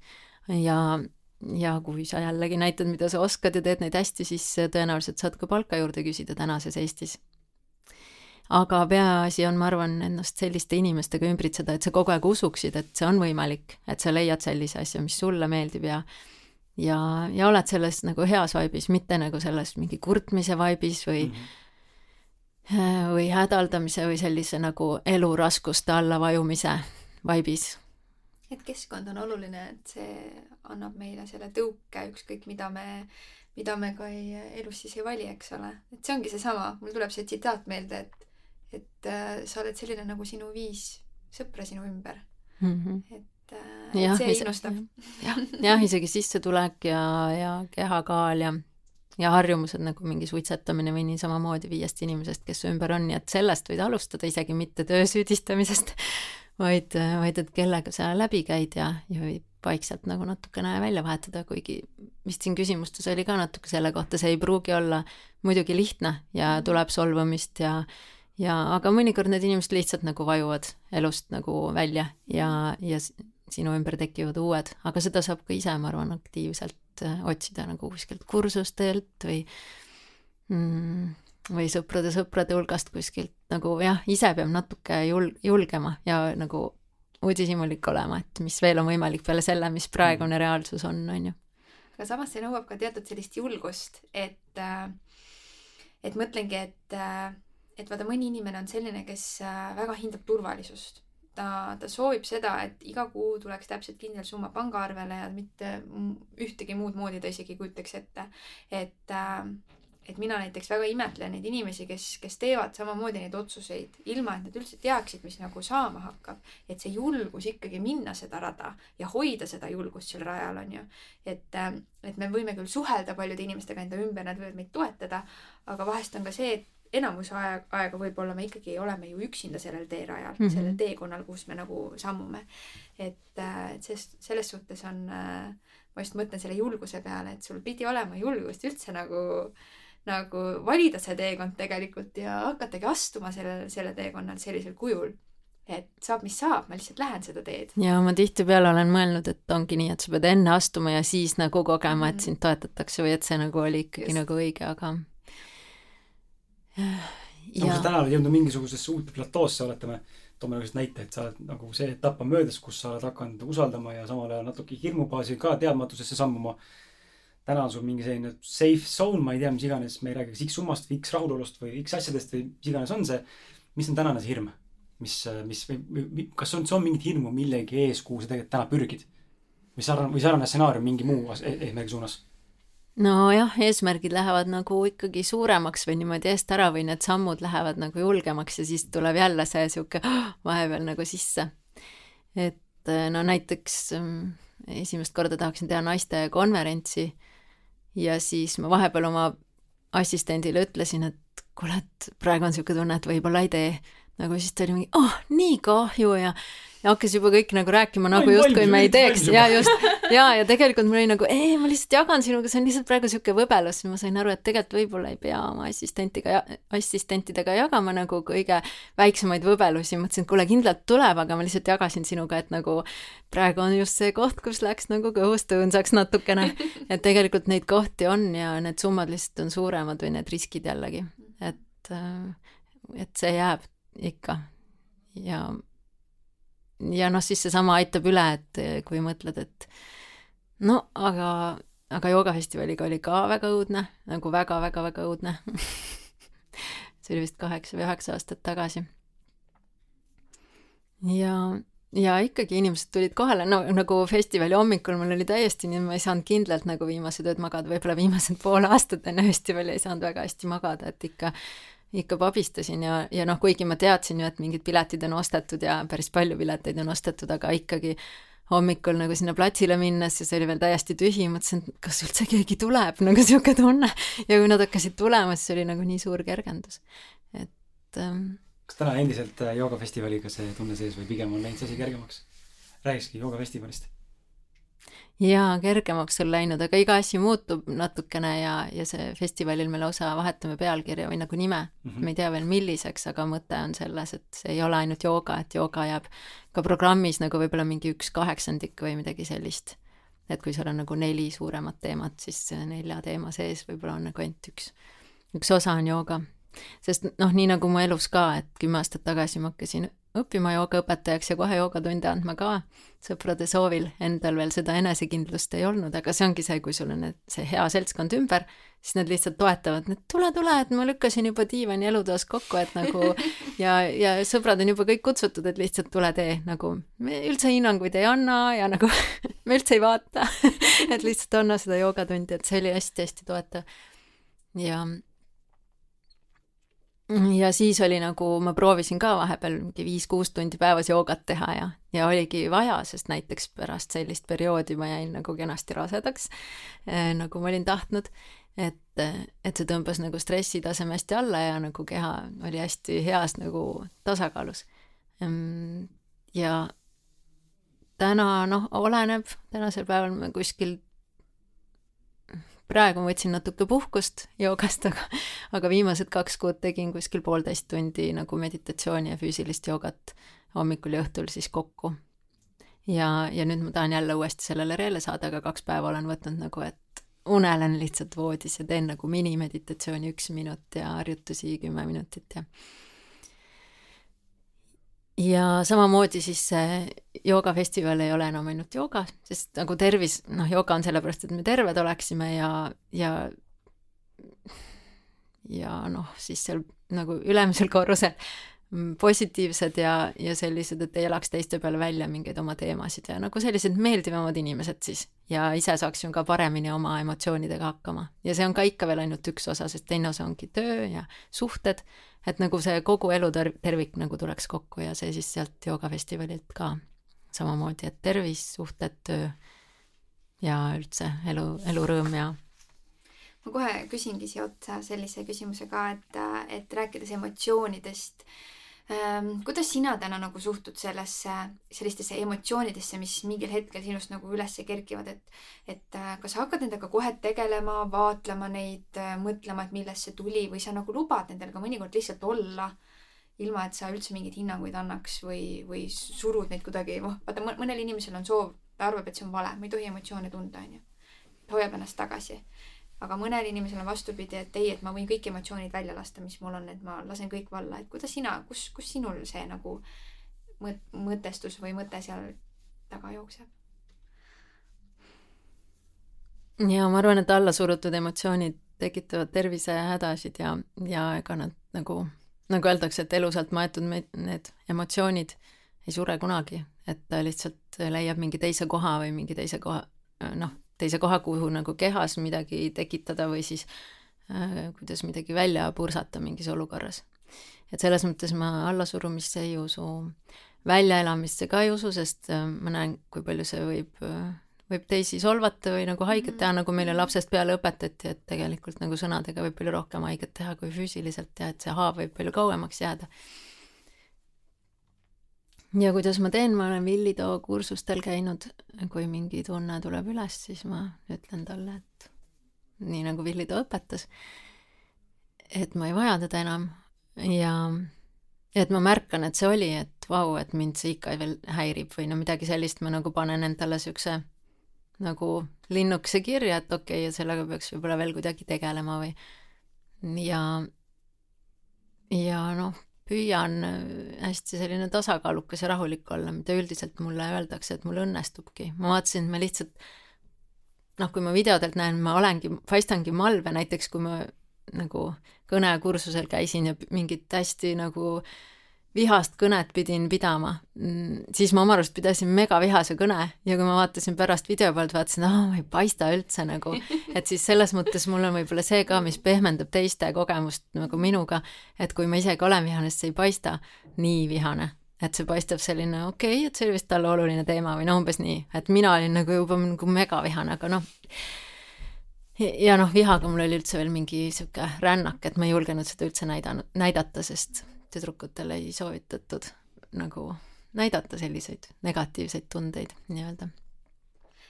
et ma usun, et seda ei ole jah olemas, et negatiivne või nii, aga, aga et ei tohi teistele liiga teha sellega mm. -hmm. ma just äh, ise mõtlesingi seda, et, et äh, et äh, kas võib olla ka niimoodi, et sa vahest äh, ei märkagi seda, kui sa endal mõne emotsiooni alla surud et sa nagu ei saagi aru, see on nagu, see läheb justkui mööda, see on nagu mingi alateadlik harjumus või, või ongi lapsest peale tulnud mingisugune kaasa, kaasa selline mõttemuster, et näed, et mul on see tunne, ma ei tohi seda tunda, onju. jaa, no ikka jah. jah, kahjuks ka rõõmuga samamoodi mm, -hmm. et äh, mis sa siin nagu hõiskad, et pill tuleb pika elu peale ikkagi. et selles mõttes äh, seda, see on jah, elutöö, et seda kõike nagu märgata, aga aga kui püsid terve selle juures ja magad hästi ja suhted on head, siis see on juba päris hea indikaator, et tuleb päris hästi mhm, välja mm. -hmm. See on äh, päris huvitav, ma ise just alles hiljaaegu mõtlesin, et äh, et mul on olnud äh, või nagu hakkasin ennast vaatlema kuidagi kõrvalt ja siis märkasin, et kui ma lähen kodunt välja, siis mul on alati nagu mingi smile on nagu ees või olen kõikidega sihuke hull, sihuke sõbralik ja rõõmus ja, ja siis üks päev hakkasin oma mehega arutama, ütlesin talle, et, et see on päris huvitav nagu, et miks ma niimoodi teen, sest et kui ma koju lähen, siis ma olen täiesti neutraalne. isegi, et veidi nutad? Ei, mitte et ma ei nuta, vaid ma olen nagu sihuke rahulik ja neutraalne. miks ma välja minnes olen kogu aeg selline, et ma hullult naeratan ja tahan nagu, et ja siis ma hiljaaegu mõtlesin, et aga tegelikult, aga mu ema on ka kogu aeg selline olnud ja siis ma nagu hakkasin ka avastama, et võib-olla tõesti, et ma olen võtnud sealt nagu üle mingisuguse sellise mustri ja kannangi seda siis endaga justkui nagu kaasas, onju. et, et välja minnes peab alati nägu naerul olema, et sa pead justkui nagu mingisuguse maski ette tõmbama, siukse sõbraliku rõõmsa maski. Aga tegelikult sul seda ei ole, et päriselt sa ei ole kogu aeg selline. et, et et täitsa tekitas minus niisugust äh, mõtet ja ma olen siin äh, vahepeal jäänud ikkagi selle peale mõtlema, et mis see siis ikkagi päriselt on, et kas see on nüüd nii, nagu ma mõtlen või see ikkagi ei ole nii, nagu ma mõtlen see on sama, ma arvan, et see on samasugune analoog. Äh, tegelikult siin ma näen, sul on tegelikult Eneli isegi kirjutanud küsimuse selle kohta ka mm.. hüppame korra siia selle küsimuse juurde, et, et vaata, see on ühtepidi julgus, ühtepidi nahaalsus, ühtepidi, mis iganes veel, olla sina ise. vaatamata sellele, mida keegi teine sinust arvab ja, ja mina ise olen väga tugevalt selle eest seisnud, ma arvan, üle kümne aasta juba noorest ajast sa-, saati ja, ja ja ma küll olen kuulnud, et ma olen ikka paras emm ja egoistlik ja aga mina seda asja sellist ei vaata. äärmiselt oluline iseendaks jääda. isegi kui ma lõhun suhteid, siis ma ei suuda olla, ma ei suuda endale, ma ei suuda, ma ei suuda valetada lihtsalt.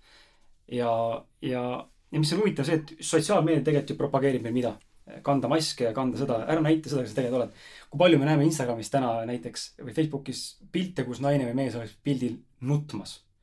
ma ei näinud üht, ma ei ole vist ühtegi näinud mm. -hmm. keegi paneks üles siukse pildi, et ma teen see, ma olen täiega nutnud praegu, ma ei tea, keegi sai surma, siis teen pildi. sa ei, sa teed pildi, kui sa oled õnnelik või siis sa oled fake õnnelik ja sa näitad seda. ehk siis hästi, hästi huvitav on see, ma tahan nagu sinult küsida ka, Merit, et kuidas sina nagu seda tasakaalu leiad ja, ja kuidas sa leiad ka selle julguse ja, ja võib-olla selle soovi või, või mis on see, mis sind nii-öelda ajendab olemaks võimalikult autentne, nii nagu sa oled ja ilma nagu don't give a fuck, mis teised siis nii-öelda arvavad suures pildis, mitte et see on nagu üleolevalt kellegi suhtes, aga just see, et mina olen mina ja nii vist on. Eh, võta, võta või jäta, eks ole. et kuidas, kuidas nagu sellega toime tulla, sest et äh, see maskide kandmine on üks, üks äärmiselt äh, nagu sihuke sügav, sügav teema, teema tegelikult ju. Jaa, muidugi on. ja, ja noh, terve teekond, et, et sa, eks see nii nagu käibki, et sa hakkad, no midagi teed automaatselt, nagu meil öeldakse et, et üheksakümmend viis protsenti on ju alateadlik ja, ja kõik, mida me ise ei, ei määra, need nagu näoilmed ja need reaktsioonid ja ja isegi need sõnad ja et viis protsenti ainult see, mida me juhime, et siis äh, tore, kui me saame seda protsenti natukene laiendada või aeg-ajalt mingeid asju vahetub seal viies protsendis, et oo, et kuule, ma olen kogu aeg nii teinud või või pärast sööki nagu käed mingi püks, pükstes ära kuivatanud või puhastanud, et umbes nii nagu, nagu väiksena, mis asja, miks see on, on ju.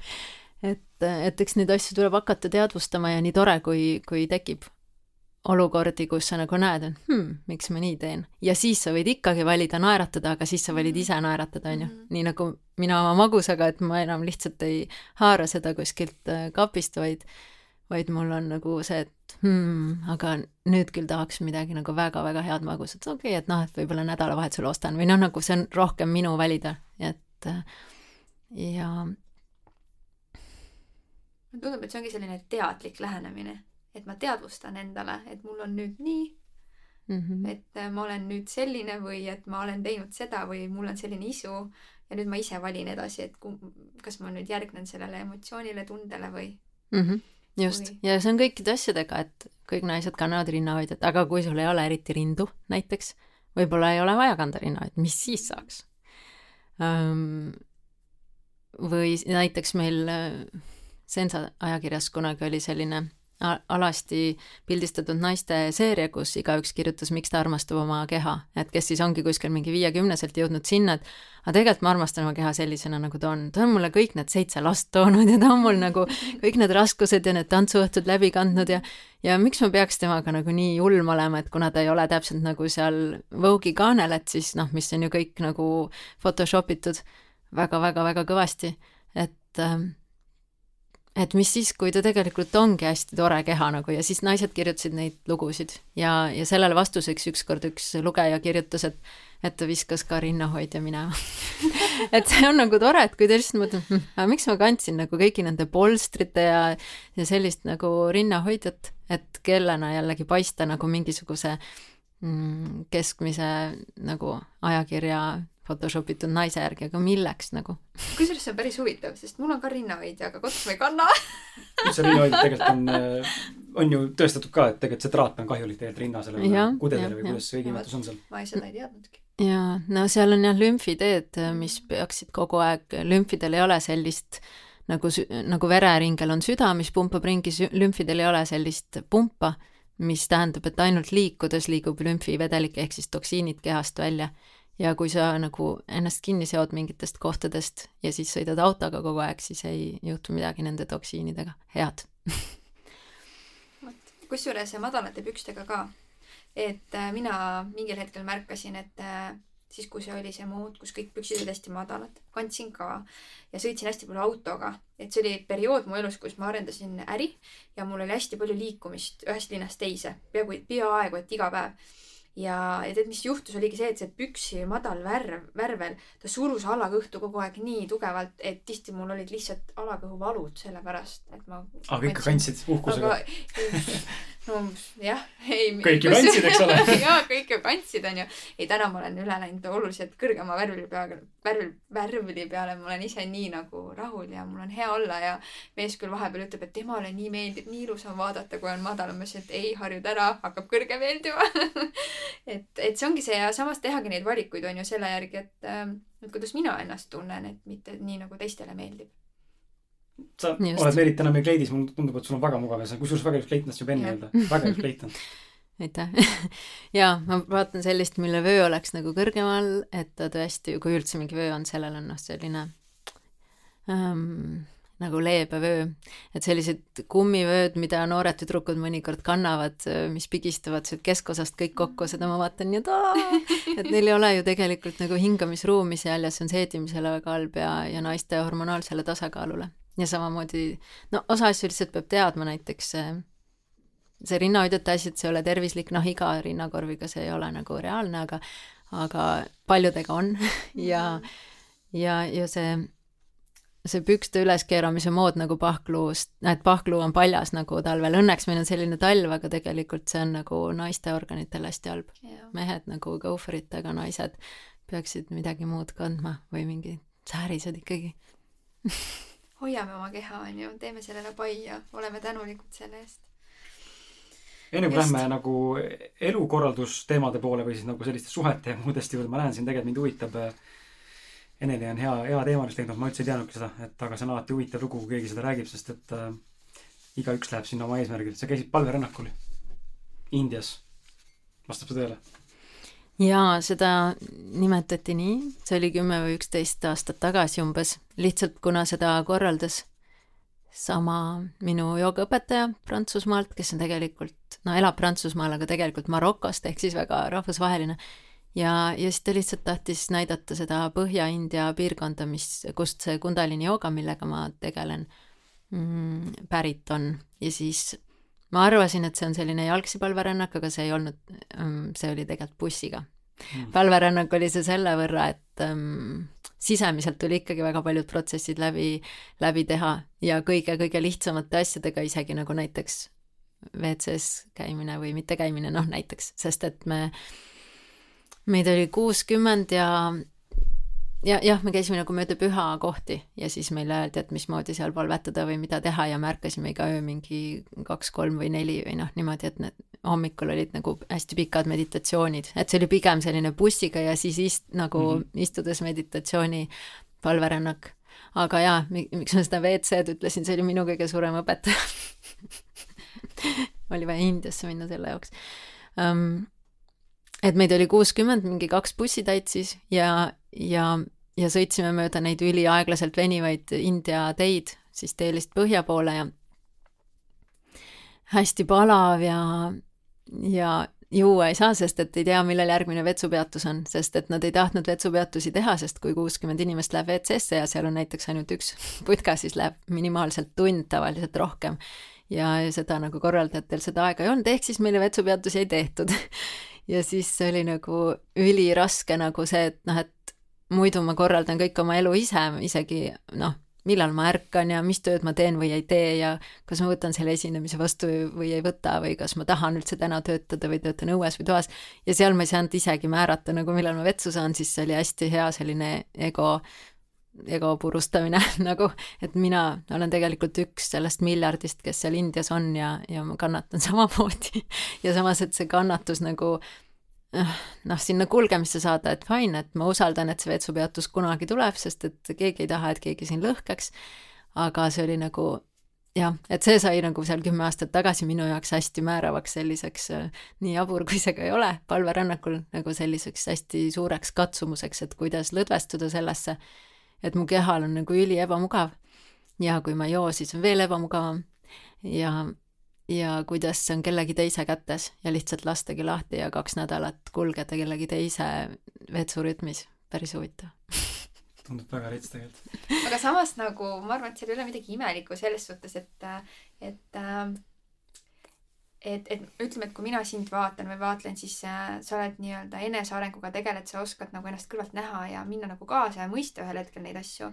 aga väga suur osa, valdav mass inimesi ju tegelikult jäävad ikkagi nende egolõksudesse kinni ja seal oleks kindlasti tavalisel inimesel, mina ütlen nagu tavaline inimene, sellepärast et kes võib-olla endaga ei, ei tegele, ei arenda, ma arvan, et tal oleks kindlasti oluliselt rohkem selliseid väikeseid asju, mille taha ta takerdub ja millega ta hakkama ei suudaks sellisel teekonnal üldse nagu nagu nii-öelda hakkama saada, et ma arvan, et selline asi kui palverännak on väga suurt väljakutset esitav.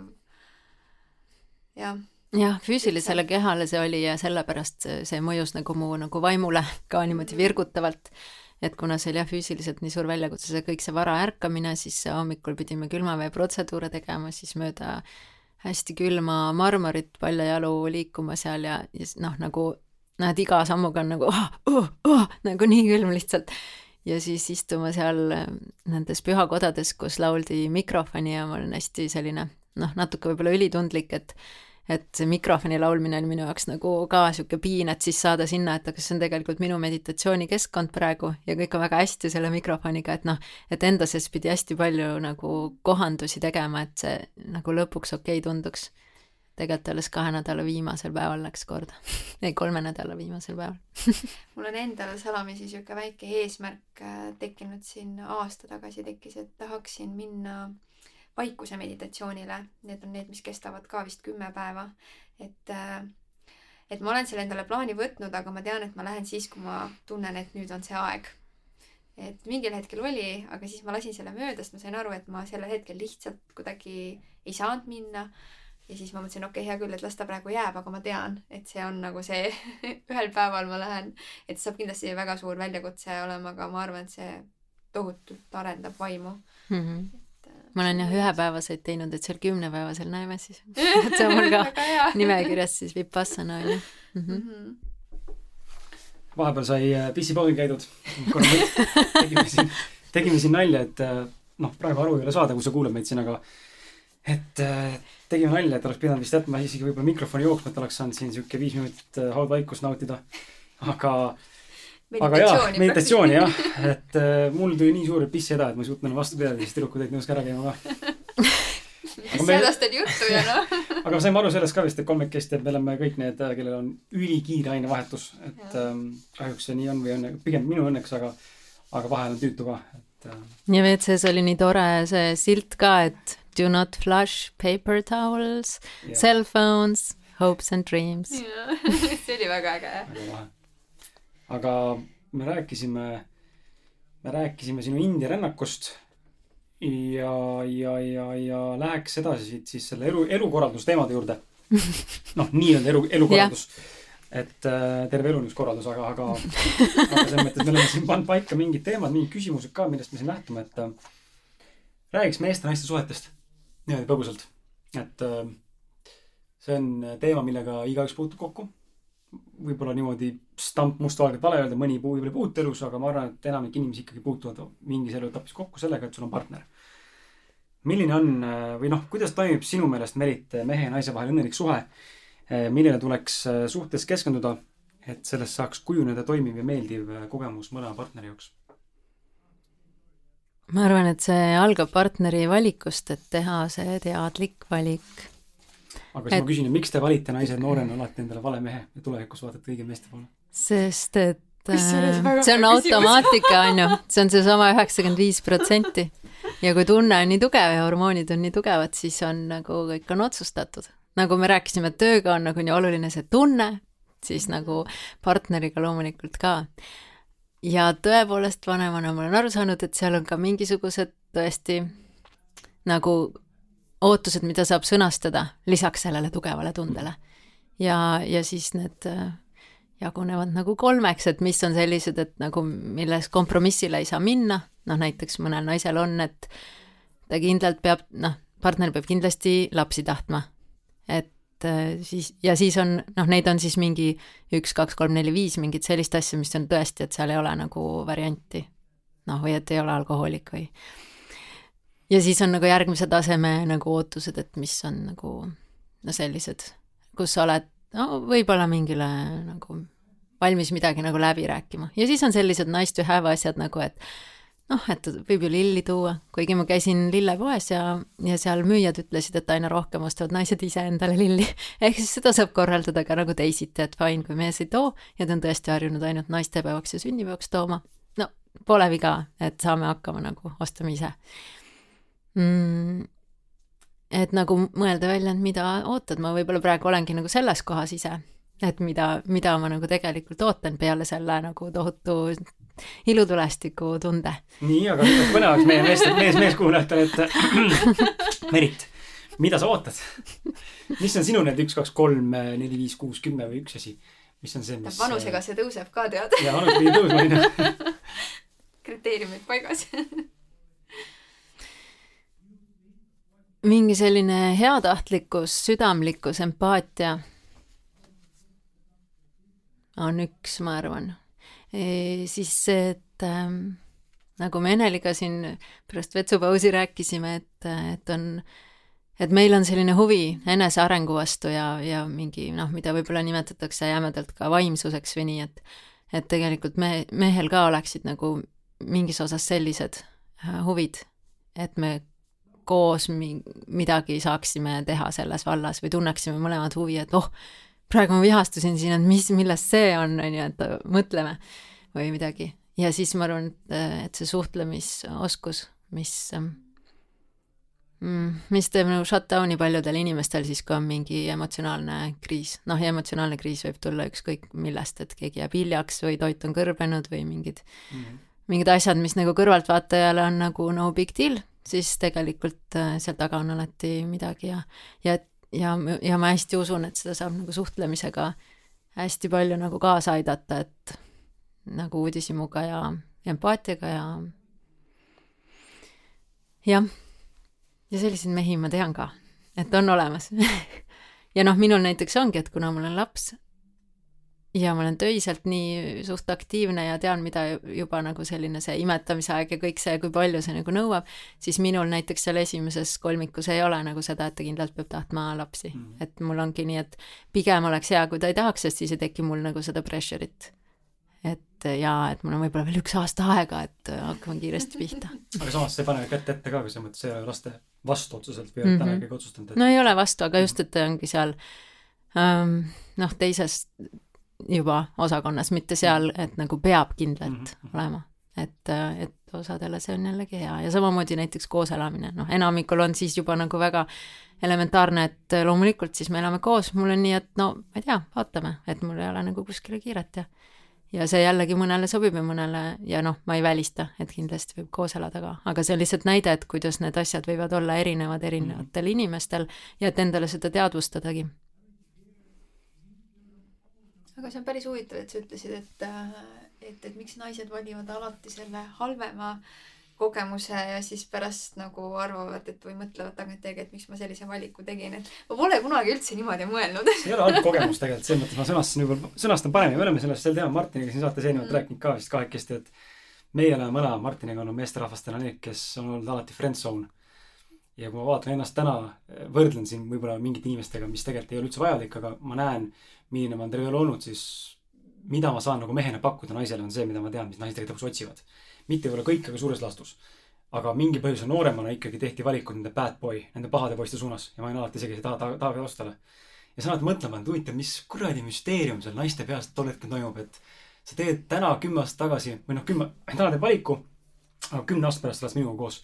miks täna seda valikut ei tee? Ma ei unusta läbi seda mm. -hmm. see küsimus jääb, ma arvan. ma äh, ma mõtlen natuke e, enda nooruse peale, ma arvan, et hästi palju kindlasti mõjutabki see ka, see keskkond, vaata, kus me oleme. et äh, tüdrukud ju loevad ka ju, selles vanuses mingi noorem, ütleme siis seitseteist, kaheksateist, kui need esimesed poisid tulevad, siis minu meelest äh, see on nagu see aeg ka, kus äh, tüdrukud ka hoiavad rohkem kokku ja omavahel räägitaksegi ju nendest kogemustest, et oo, mul on selline kutt ja oo, ta on selline ja selline. samas on mingid ajakirjad, mis räägivad mingisugustest teatud sellisest äh, nagu tüübist, tüübist või sellisest nagu mustrist, on ju, ja siis sa nagu alateadlikult äh,, ma arvan, et sa nii-öelda jälle selle inspiratsiooni najal, on ju, nagu me ennem rääkisime, teed selle valiku ka, kuigi see ei pruugi üldse olla sinu valik tegelikult. sa lihtsalt teed sellepärast, et teised teevad seda. Ühiskondlik surve. ja võib-olla poisid ka käituvad sellepärast nii, et nii on cool Just. nagu kokkuleppeliselt, on ju, et kõik see Instagram ongi, on jah, meestel samamoodi vaata, et äh, et äh, võib-olla poisid ümberringi, sõbrad on viis sõpra sees, et kes räägivad, et oo, naisel peavad olema kindlasti suured rinnad ja ja võib-olla prinkis tagumik ja võib-olla veel seal mingeid niped-näped asju, onju. et äh, siis loomu poolest hakkad ise mingil hetkel tõenäoliselt samamoodi vaatama ja ütled ka, et mulle meeldivad sellised naised, et ühel hetkel võib-olla avastad, kui saad selle naise, et tegelikult mulle ei meeldigi.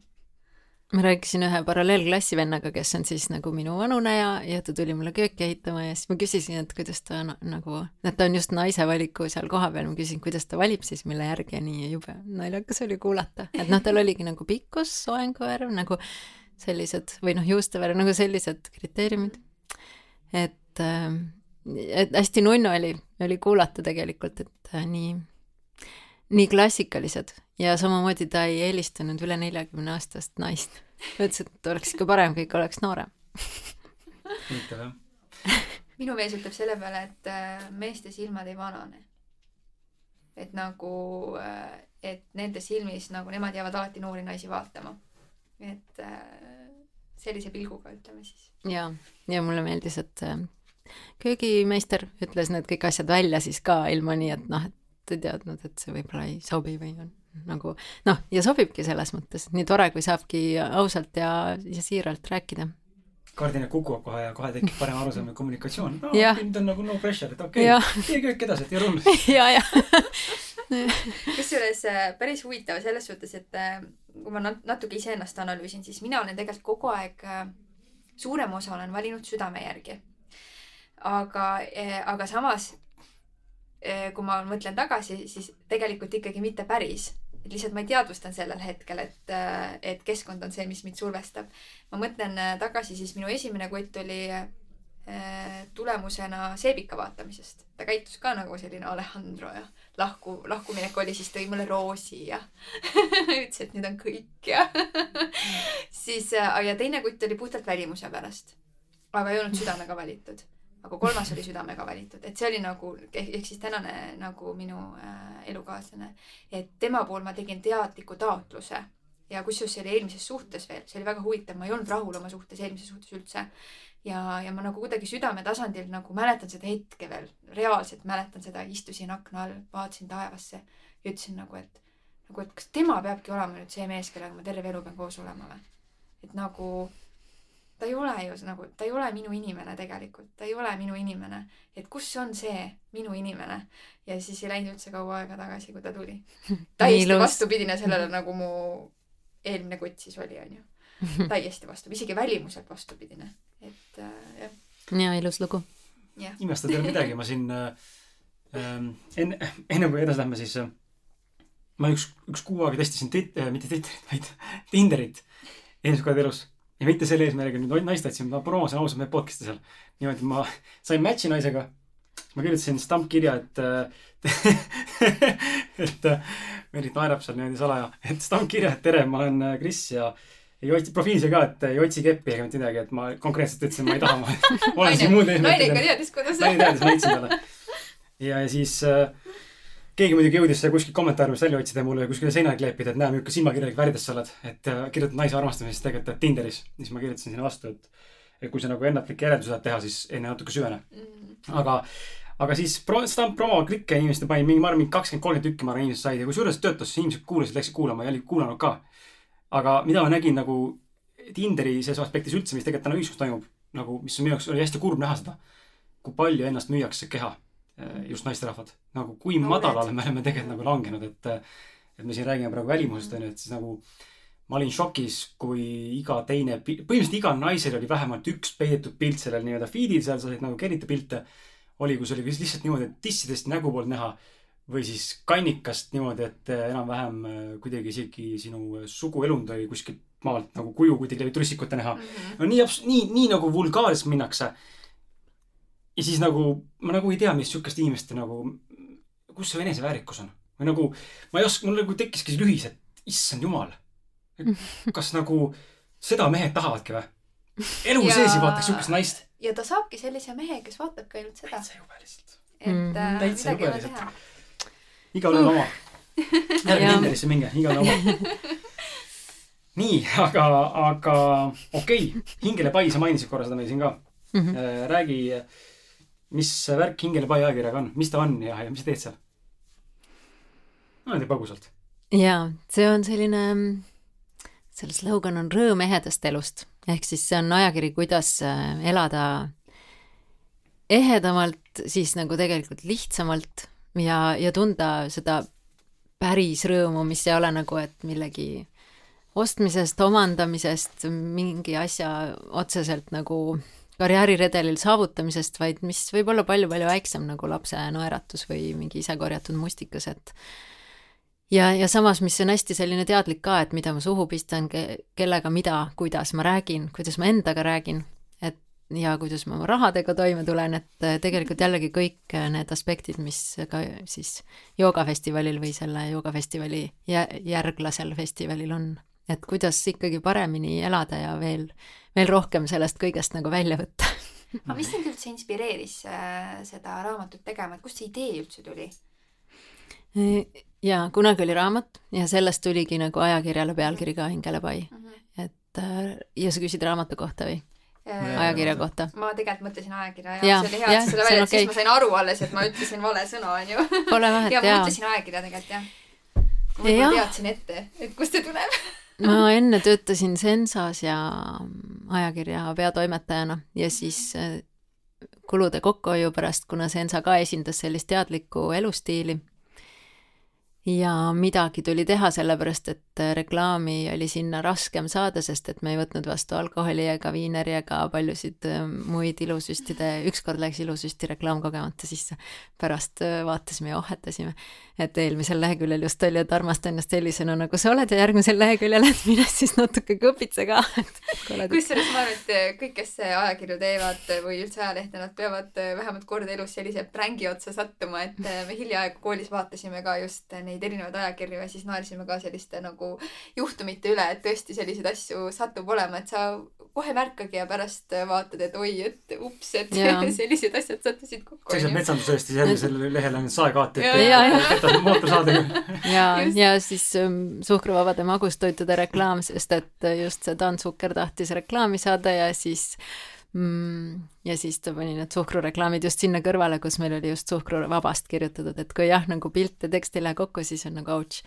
et jah, paar sellist asja seal juhtus, aga see ikkagi lõpuks viis sinna, et kuna me olime nii valivad reklaami suhtes, siis ähm, siis seda raha ei olnud nagu nii palju ja kui meil olidki mingid firmad, kellelt me tahtsime sinna reklaami saada, siis nemad jälle ütlesid, et me oleme nii väiksed, et et me ei tee üldse sellises formaadis reklaami, et me ainult teeme suust suhu või, või jagame ainult Facebookis mm. -hmm et siis selles mõttes see oli nagu raske ja siis pidi seal kuidagi kulusid kokku hoidma ja minu palgakulu oli kõige kõrgem, siis oli nagu minu arvelt lihtne kokku hoida, aga aga ta ilmus ikkagi ainult veel aastake nagu pärast seda, aga mulle endale tundus, et vau, et mul on just laps neljaseks saanud, käib lasteaias kolm päeva nädalas, mul on nii palju energiat, nagu ma olen nüüd välja maganud ja puhanud ja kõik on nagu hästi.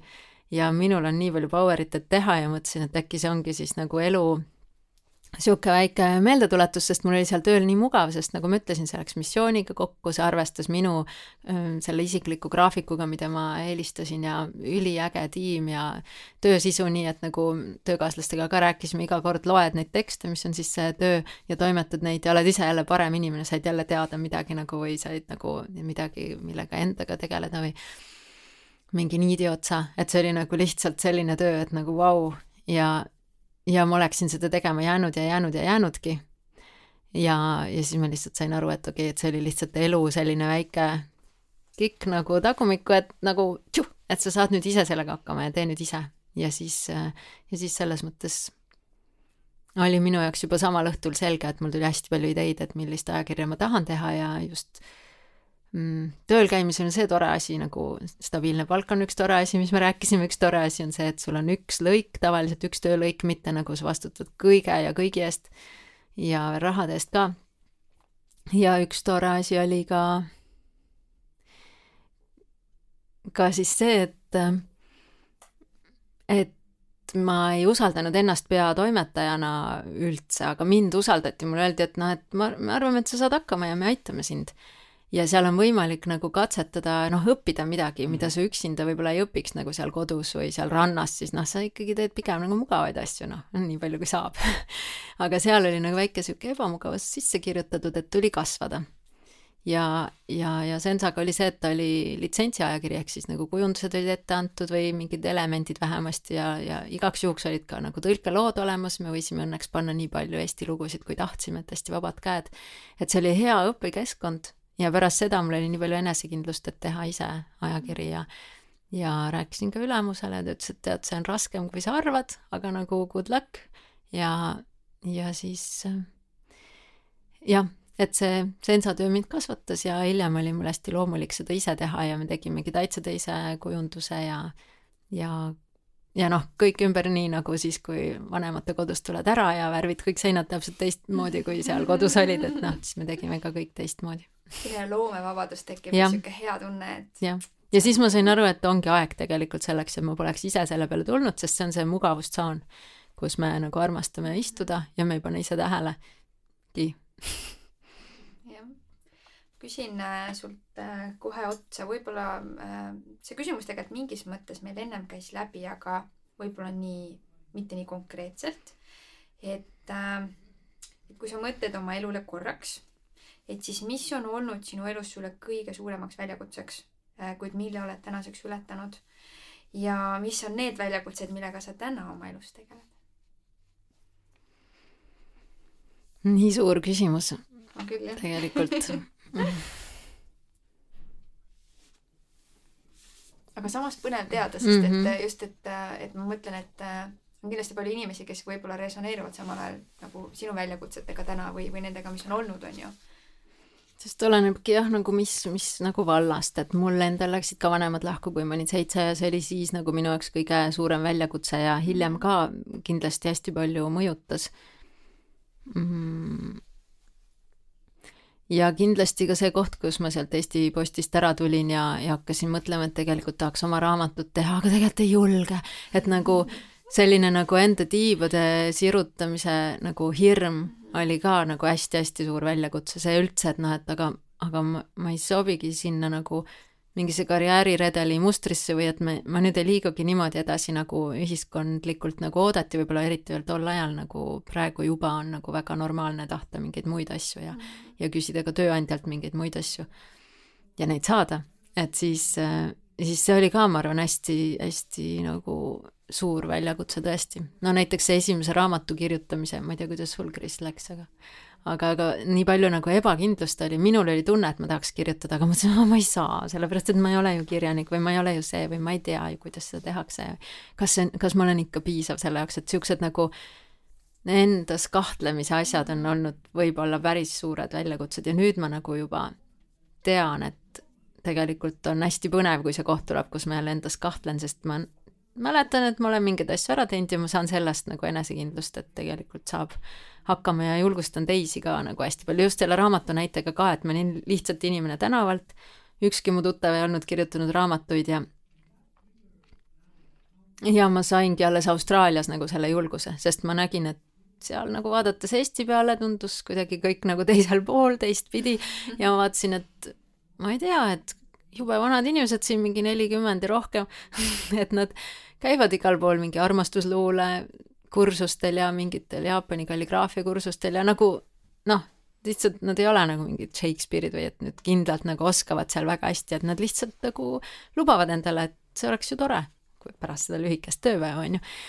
et ja siis ma mõtlesin, et aga ma ei tea, äkki ma võin ka siis seda raamatut kirjutada, ma võin ju kirjutada, ega ma ei pea ju trükkima või kirjastama või, või välja andma seda kuidagi, et mm, lohutasid ennast, andsid endale nagu selle võimaluse selliseks esimeseks sammuks nii-öelda, on ju. ja need on olnud võib-olla sellised jah, sisemised väljakutsed, et noh, et kuidas mina, kas ma olen ikka piisav ja ja nüüd ma nagu räägin seda loona teistele, et kui sul on ka mingi mõte, et nagu oh, tahaks seda teha, aga no ma ei tea, ma ei ole ikka piisav või ma ei julge või mis nüüd mina Nii või kes nüüd mõtted. mina, et siis lihtsalt tee seda nagu Mhm.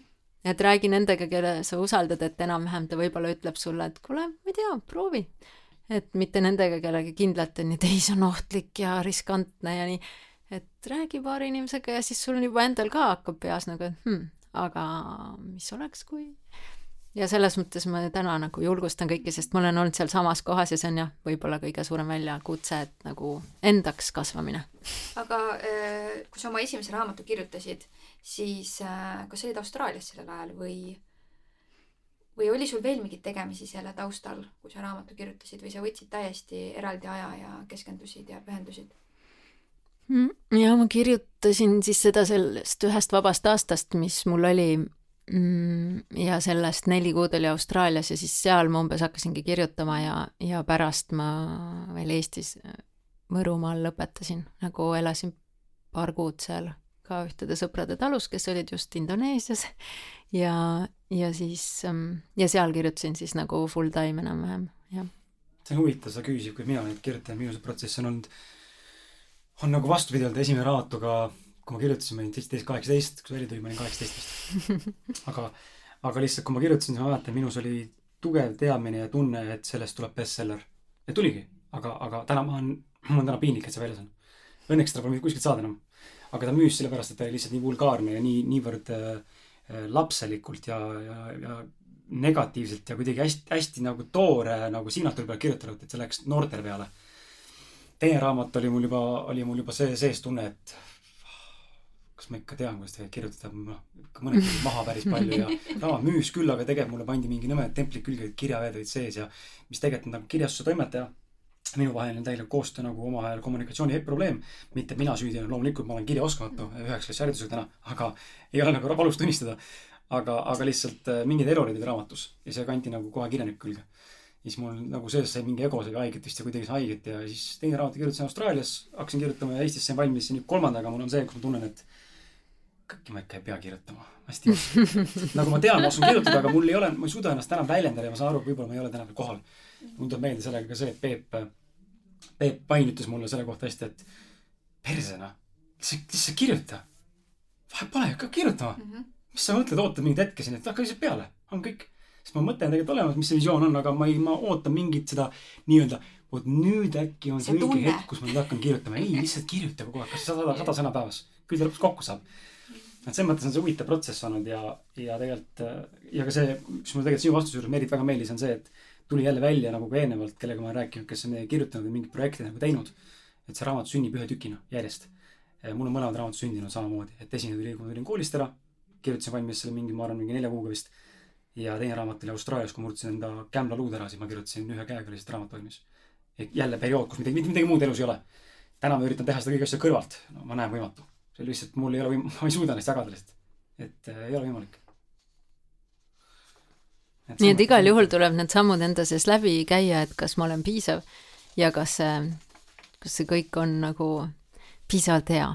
mis on nagu hea endalt küsida, aga just, et kui see hakkab takistama mingit protsessi, et istud muudkui selle kallal, et ma ei tea, ma ei tea, ma ei tea, ma ei tea ja siis hakkad jälle antidepressante võtma mis ei oleks ilmselgelt kõige parem lahendus. jaa just, aga.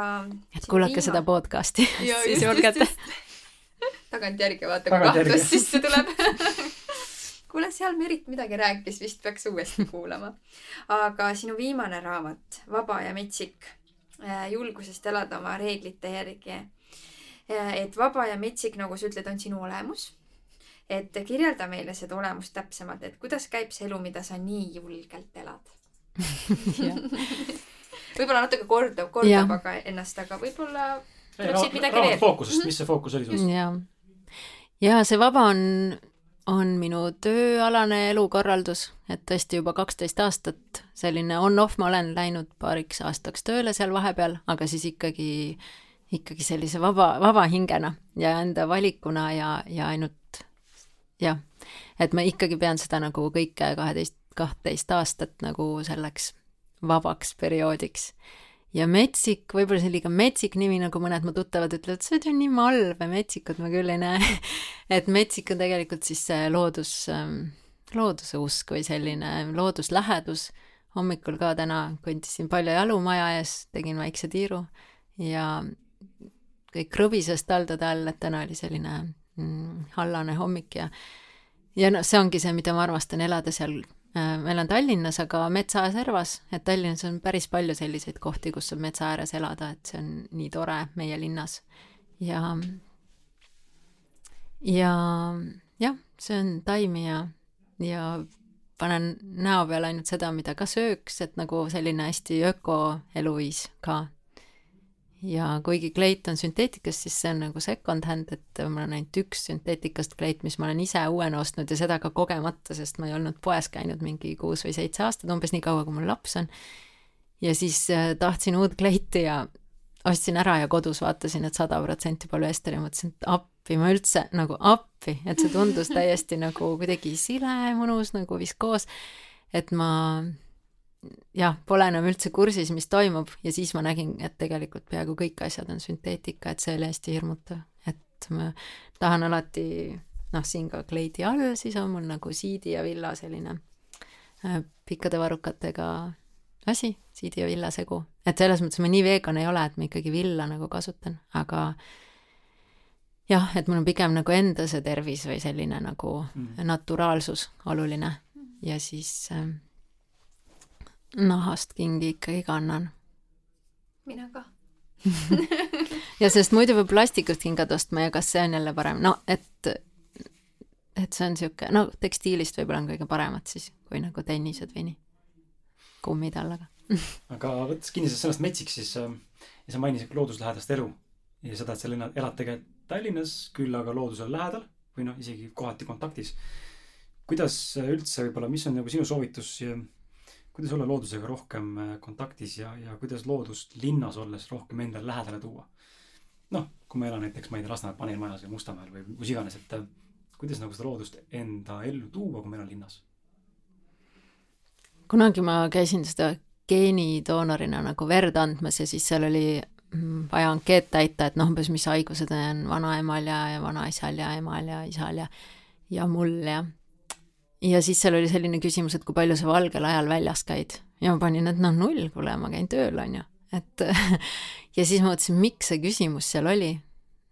et järelikult seal ei ole midagi pistmist meie tervisega mm -hmm. ja ma olin veel nii noor ja rumal, et ma ei olnud seda varem teadvustanud, et noh, talvel loomulikult sul ei ole võimalust valges välja minna, aga ma arvasin siis, et siis nüüd ma selle võimaluse nagu püüan tekitada ja, ja noh, see on nagu üks asi, mida Tallinnas peaaegu kõik on tegelikult loodus. et, et päris palju selliseid kohti, ainult see koht võib-olla, kus me siin praegu Maakri tänaval oleme, see on nagu, noh, siin ei ole võib-olla ühtegi puud, aga aga mujal siin nurga taga jälle kohe on ja siin on nagu hästi vaikne tänav jällegi, kesklinn, aga nii vaikne ja, ja ikkagi suhteliselt puhta õhuga, et kõige halvem õhk olevat Nõmmel, sest seal on nii palju ahjukütet. ja loodusega, meie aju on nagu mingis mõttes väga-väga komplitseeritud ja keeruline, aga mingis mõttes ta on hästi primitiivne ja tal on nagu lihtne tünga teha. et kui vaadatakse nagu vererõhu näitajaid ja ja pulssi ja, ja sellist nagu stressitaset, siis looduses meil see kohe langeb, aga sama hästi langeb siis, kui vaatame lihtsalt loodus pilte, et äh, selles mõttes saab endale väga lihtsalt loodusfilmi vaadates või looduspiltidega mm, ajakirja või raamatut vaadates selle tunde tekitada, et oh, nagu ja noh, muidugi nii palju õues olla kui võimalik, et ma usun sellesse, et et meie kehad ei ole nagu erinevad sellest ajast, kui me mingi miljon aastat tagasi jah, jah, et, et kui siis läks vaja kuskil seitse tuhat kuni kümme tuhat sammu, et toitu leida, siis meil ka praegu läheb sedasama vaja. ja noh, mul telefon loeb samme ja loeb kilomeetreid ja siis ma vahel lihtsalt kõrvutan teiste inimeste kilomeetritega, ütlen, et näita aasta keskmist. Ja siis ma näen, et kellel autot ei ole, neil ongi keskmine on mingi kuus koma kaheksa, mis on siis um,, ongi kuskil seit-, kümme tuhat sammu. ja ja mina pean pingut-, pingutama ikkagi, et noh, auto hoiab küll aega kokku, aga lisaks sul jalutusaega on ikkagi vaja nagu eraldi võtta. et siis ma võtan selle eraldi aja ja püüan, et mu aasta keskmine, eelmine aasta oli neli koma seitse, noh, mis ongi siis niisugune see seitse tuhat sammu, et oletame, et ma elan nii toredas kohas, kus need puuviljad on nagu kergemini kättesaadavad ja need hüäänid või, või mis me iganes seal sõime. minul on selle jaoks võetud koer just mm, -hmm. ma näen ka naabrite pealt, et siis on nagu iga päev kindel õues käimine. kaks korda lausa, nii et on kass. jah, täpselt mm. -hmm. kuigi see jah, peab, see on ka selline vastutustundlik äh, valik, et, äh, et pead teadlikult äh, selle koera võtta võtma, et sa tead, et sul ikkagi jätkub tema jaoks aega, et mm. -hmm mitte kauss nurka ja, ja tähed tulid. just mm, -hmm. et nii, nii seda, seda muidugi kahjuks ei saa, et ähm, et, et see oleks kurb näha, aga paraku on selliseid, et kes, kes võtavadki koeraga väga palju ei tegele. et aga ja. õnneks mul on see, selle üle jälle hästi hea meel, et, et võib-olla ma ise olen selles keskkonnas, aga ja märkan seda, aga mulle tundub, et ühiskonda laiemalt vaadates on piisavalt palju inimesi, kes juba nagu seda teadlikkust tõstavad ja üldse annavad rohkem märku sellest, et hei, kuulge, et asjad ei pea käima päris vanaviisi, onju liigutage rohkem ja olge loomade vastu sõbralikumad ja, ja nii edasi, onju. ma arvan, et ka tegelikult toit on yeah., mis me, me pole küll täna jõudnud siia ja, ja, ja ma ei tea, kas me üldse pikalt tahame peatuda, aga, aga meie sinuga jagame sama maailmavaadet täna äh, suures laastus ja, ja ma ise näen ka seda, kuidas tegelikult nii palju müüte, mis nagu käib selle ümber, mis tegelikult on aeg ammu juba lõhkuda või noh, on tegelikult purunee maas, lihtsalt mingisugused süsteemid hoiavad seda kinni viimaste rahade pealt nii-öelda. aga lihtsalt ongi huvitav näha, kuidas äh, noh, need uskumused lihtsalt on nii tugevad inimestel, vahet pole, mis valdkond see on. olgu see toit või, või tervis või, või ma ei tea, kasvõi seks kargas pähe mulle tegelikult, kuidas täna tegelikult seksuaalsust inimestele tegelikult mm -hmm. demonstreeritakse või nagu tutvustatakse. et see, kuidas mina, ma arvan, täna nii-öelda mehena või, või partnerina seksin, ei ole kindlasti see, kuidas minu esivanemad võib-olla omal ajal tegid seda, et noh, ma arvan, et see on ka kõvasti muutunud, et et see maailm on selles mõttes äge, kuhu ta liigub, et pidevalt on mingi muutumine ja, ja teadlikumaks saamine tegemistest ja ümbruskonnast. Ja viimasel ajal seda veel eriti sellise teatud tempoga ma olen ise täheldanud, et äh, ja minul isiklikult on hästi hea meel, et ma nimetan ennast veel nooreks, aga et ma märkan enda ümber väga palju enda vanuseid noori, kes tegelikult juba sellises vanuses nagu väga teadlikult elavad või valivadki sellise teadlikuma eluviisi suunas, et et mul on nii suur tänutunne selle suhtes, et ma, mul nagu, nagu hea tunne tuleb sisse, et ma tean, et tulevik on nagu hoopis teistsugune juba tänu sellele, et lihtsalt nii palju noorte seas selliseid hakkajaid, et astuvad ja jaa, see on nii tore. ma ka sattusin korra uuesti ülikooli ja, ja nagu ainult ühele kursusele kuu aega või viis nädalat ja ja siis nägin ka neid kahekümne ühe aastasi, kes on ka juba minimalistid ja ja veganid ja noh, mitte et kõik peaksid seda olema, aga nii tore, kui sul on noorena see info tulnud ja ja sa saad juba proovida, et kuidas sulle sobib.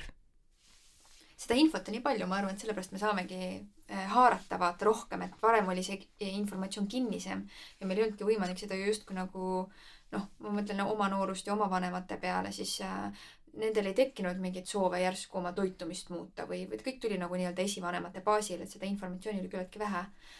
ja kaupu ka selles mõttes, ma ise hakkasin tuhande üheksasaja üheksakümne seitsmendal aastal nagu eksperimenteerima taimetoitlusega, aga siis see tähendas lihtsalt, et see šnitsel läks nagu taldrikult ära ja jäid nagu kartulid, jahukaste ja riivitud porgand. Mhm. et noh, õnneks oli tervis nii hea, et sellisele taimetoitlusele vastu pidada.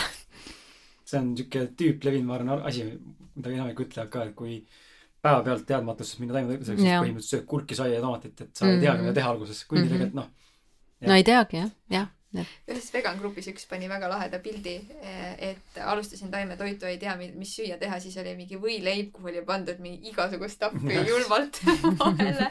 liha oli ainult välja jäetud, kõik, mis külmkapis, mingi hapukurk ja mingi, ma ei tea, ühesõnaga see oli päris õõvastav pilt, aga see, ma arvan, kindlasti. see nii ei ole mhm. ja see on ka äh, avastusretk mm. -hmm. rääkisid enda sellest äh, raamatust ja piltidest, äh, on võimalik saada ka loodusega kontakti rohkem, kas sinu raamatus on pilte ka?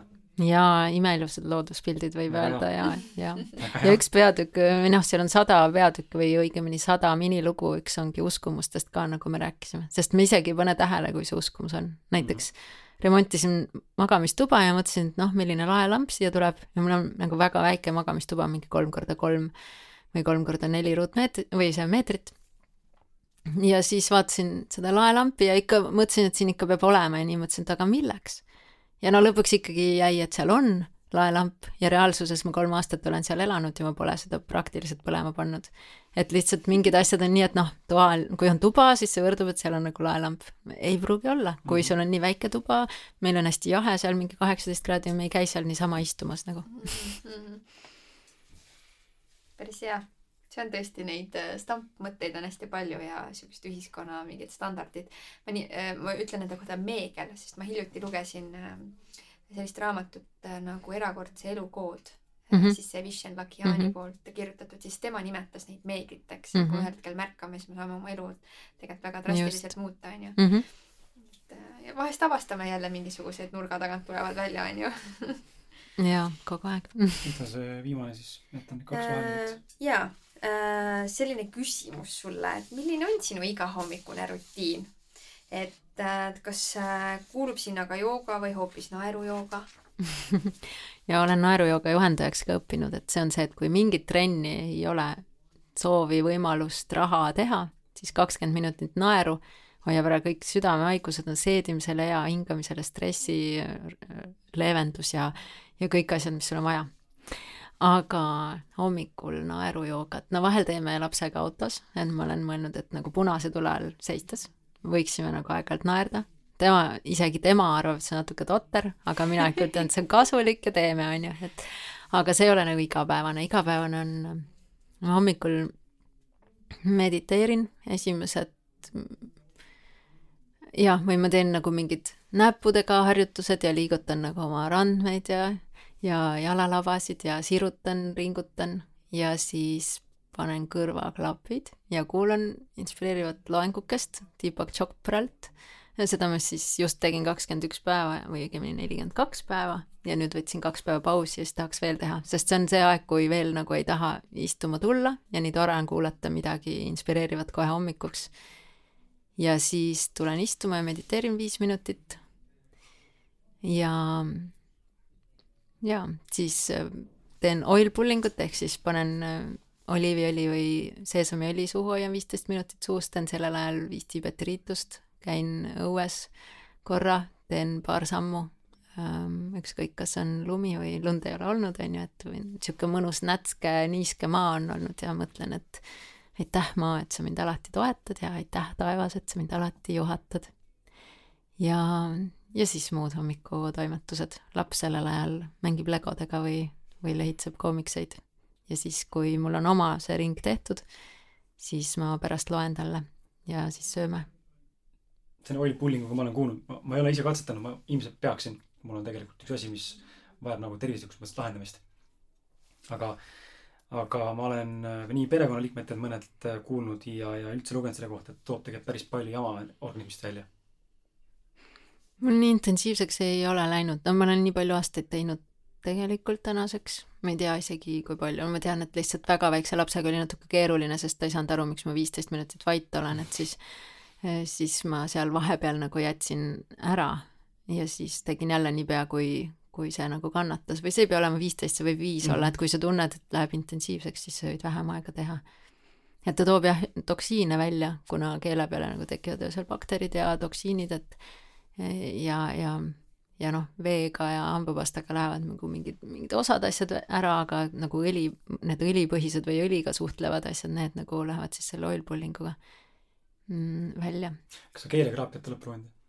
ma hakkasin seda katsetama mm. -hmm, ma arvan, et see on hea asi. Mm -hmm. natuke peab öökima alguses, sest et see on nagu mm -hmm. üsna imelik, siuke keelekraavits, ma ei tea, kas sa oled näinud? ei ole kusjuures, ma räägin nii huvitavaid. Äh, tõmbabki puhtaks seda, seda mm -hmm. lima, mis tuleb keele pealt, sest ta on nii, ja see jääbki tulema.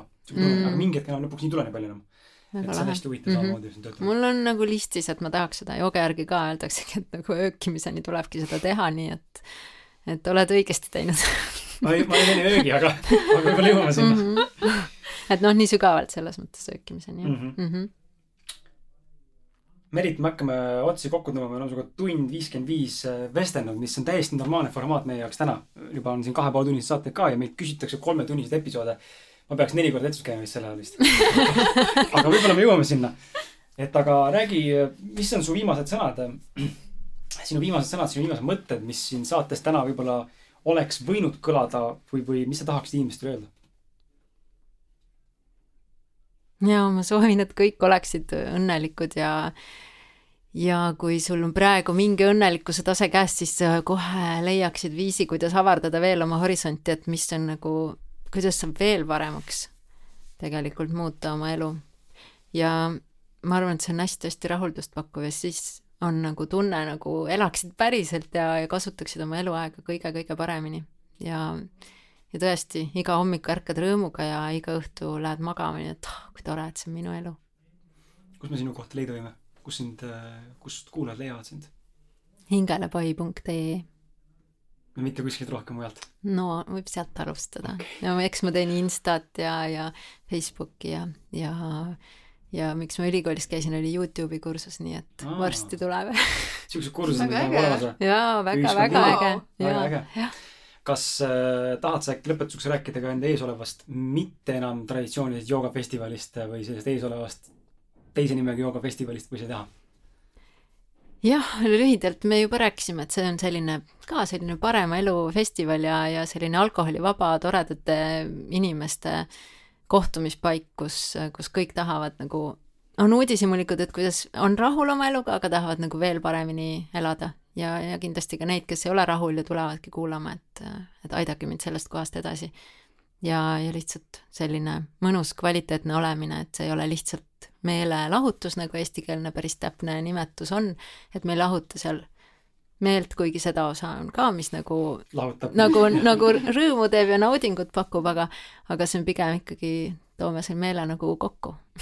ja piletid on müügis juba või alles tulevad mm,? praegu on müügis joogafestival.ee ja varsti tulevad teises kohas ka teise nime all. saab tellida sinu viimast raamatut Metsik ja jaa, Vaba ja Metsik ja. saab äh, poest täitsa kõikidest suurematest äh, raamatupoodidest, jaa mm. -hmm. super. väga hästi, aitäh. aitäh sulle. aitäh.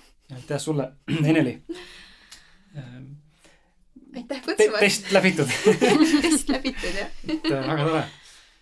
Äh, ja aitäh ka sulle, armas kuulaja, et sa meid, meid siin kaks pool tundi, vabandust, ma valetan, kaks tundi vastu pidasid ja suutsid ära kuulata meid, et midagi on sinus, Merit, mis äh, mind äh, täna kõnetas ja tegelikult on eelnevalt kõnetanud ka ja ma ei suuda seda praegu öelda, aga, aga, aga ma usun, et sa, armas kuulaja, seda ka tajusid, vähemalt mingis aspektis. ja, ja ma teen sulle ühe palve nagu ikka, et kui sul on, kui see saade tõi sulle mingisugustki väärtust sinu ellu ja häid mõtteid või uusi, uusi mõtteid sulle, siis ole hea, palun tee, tee mulle ja, ja üldse meie, meie ausad mehed podcast tiimile üks teene jaga seda saadet vähemalt ühe enda sõbraga. Et läbi selle jõuame ise äh, rohkemate inimesteni ja läbi selle jõuab meie külalised ja külaliste sõnum rohkemate kuulajateni ja rohkemate inimesteni ja loodetavasti ka nende inimesteni, kes siis äh, vajavad seda infot, et enda elus edasi liikuda või mingit otsust paremini vastu võtta või, või või jõuda iseenda parema versioonini. nii et aitäh sulle, et sa kuulasid ja sinuga kohtume juba järgmisel reedel, kui mitte varem. tšau! ja tegelikult ei ole tšau, äh, läks sassi siin, et enne kui ma tšau-tšau ütlen, siis Meri, mul on kingitus ka. Tegelikult on neid kolm.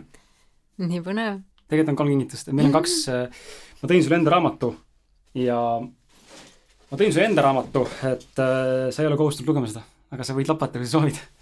hea meelega. et ma tõin enda raamatu Mõistmas, kes ma olen, mis siis sai kirjutatud Austraalias või alustatud ja lõpetatud Eestis. lühidalt sulle siis raamat koosneb kahest erinevast osast, esimene osa Minu vaimne teekond minu vaimne teekond siis nii-öelda saab lugema võib-olla saad aru, päris joogat olen teinud, aga ma ei ole klassikalise vaimne praktiseerija, aga mingi kompimine on olnud.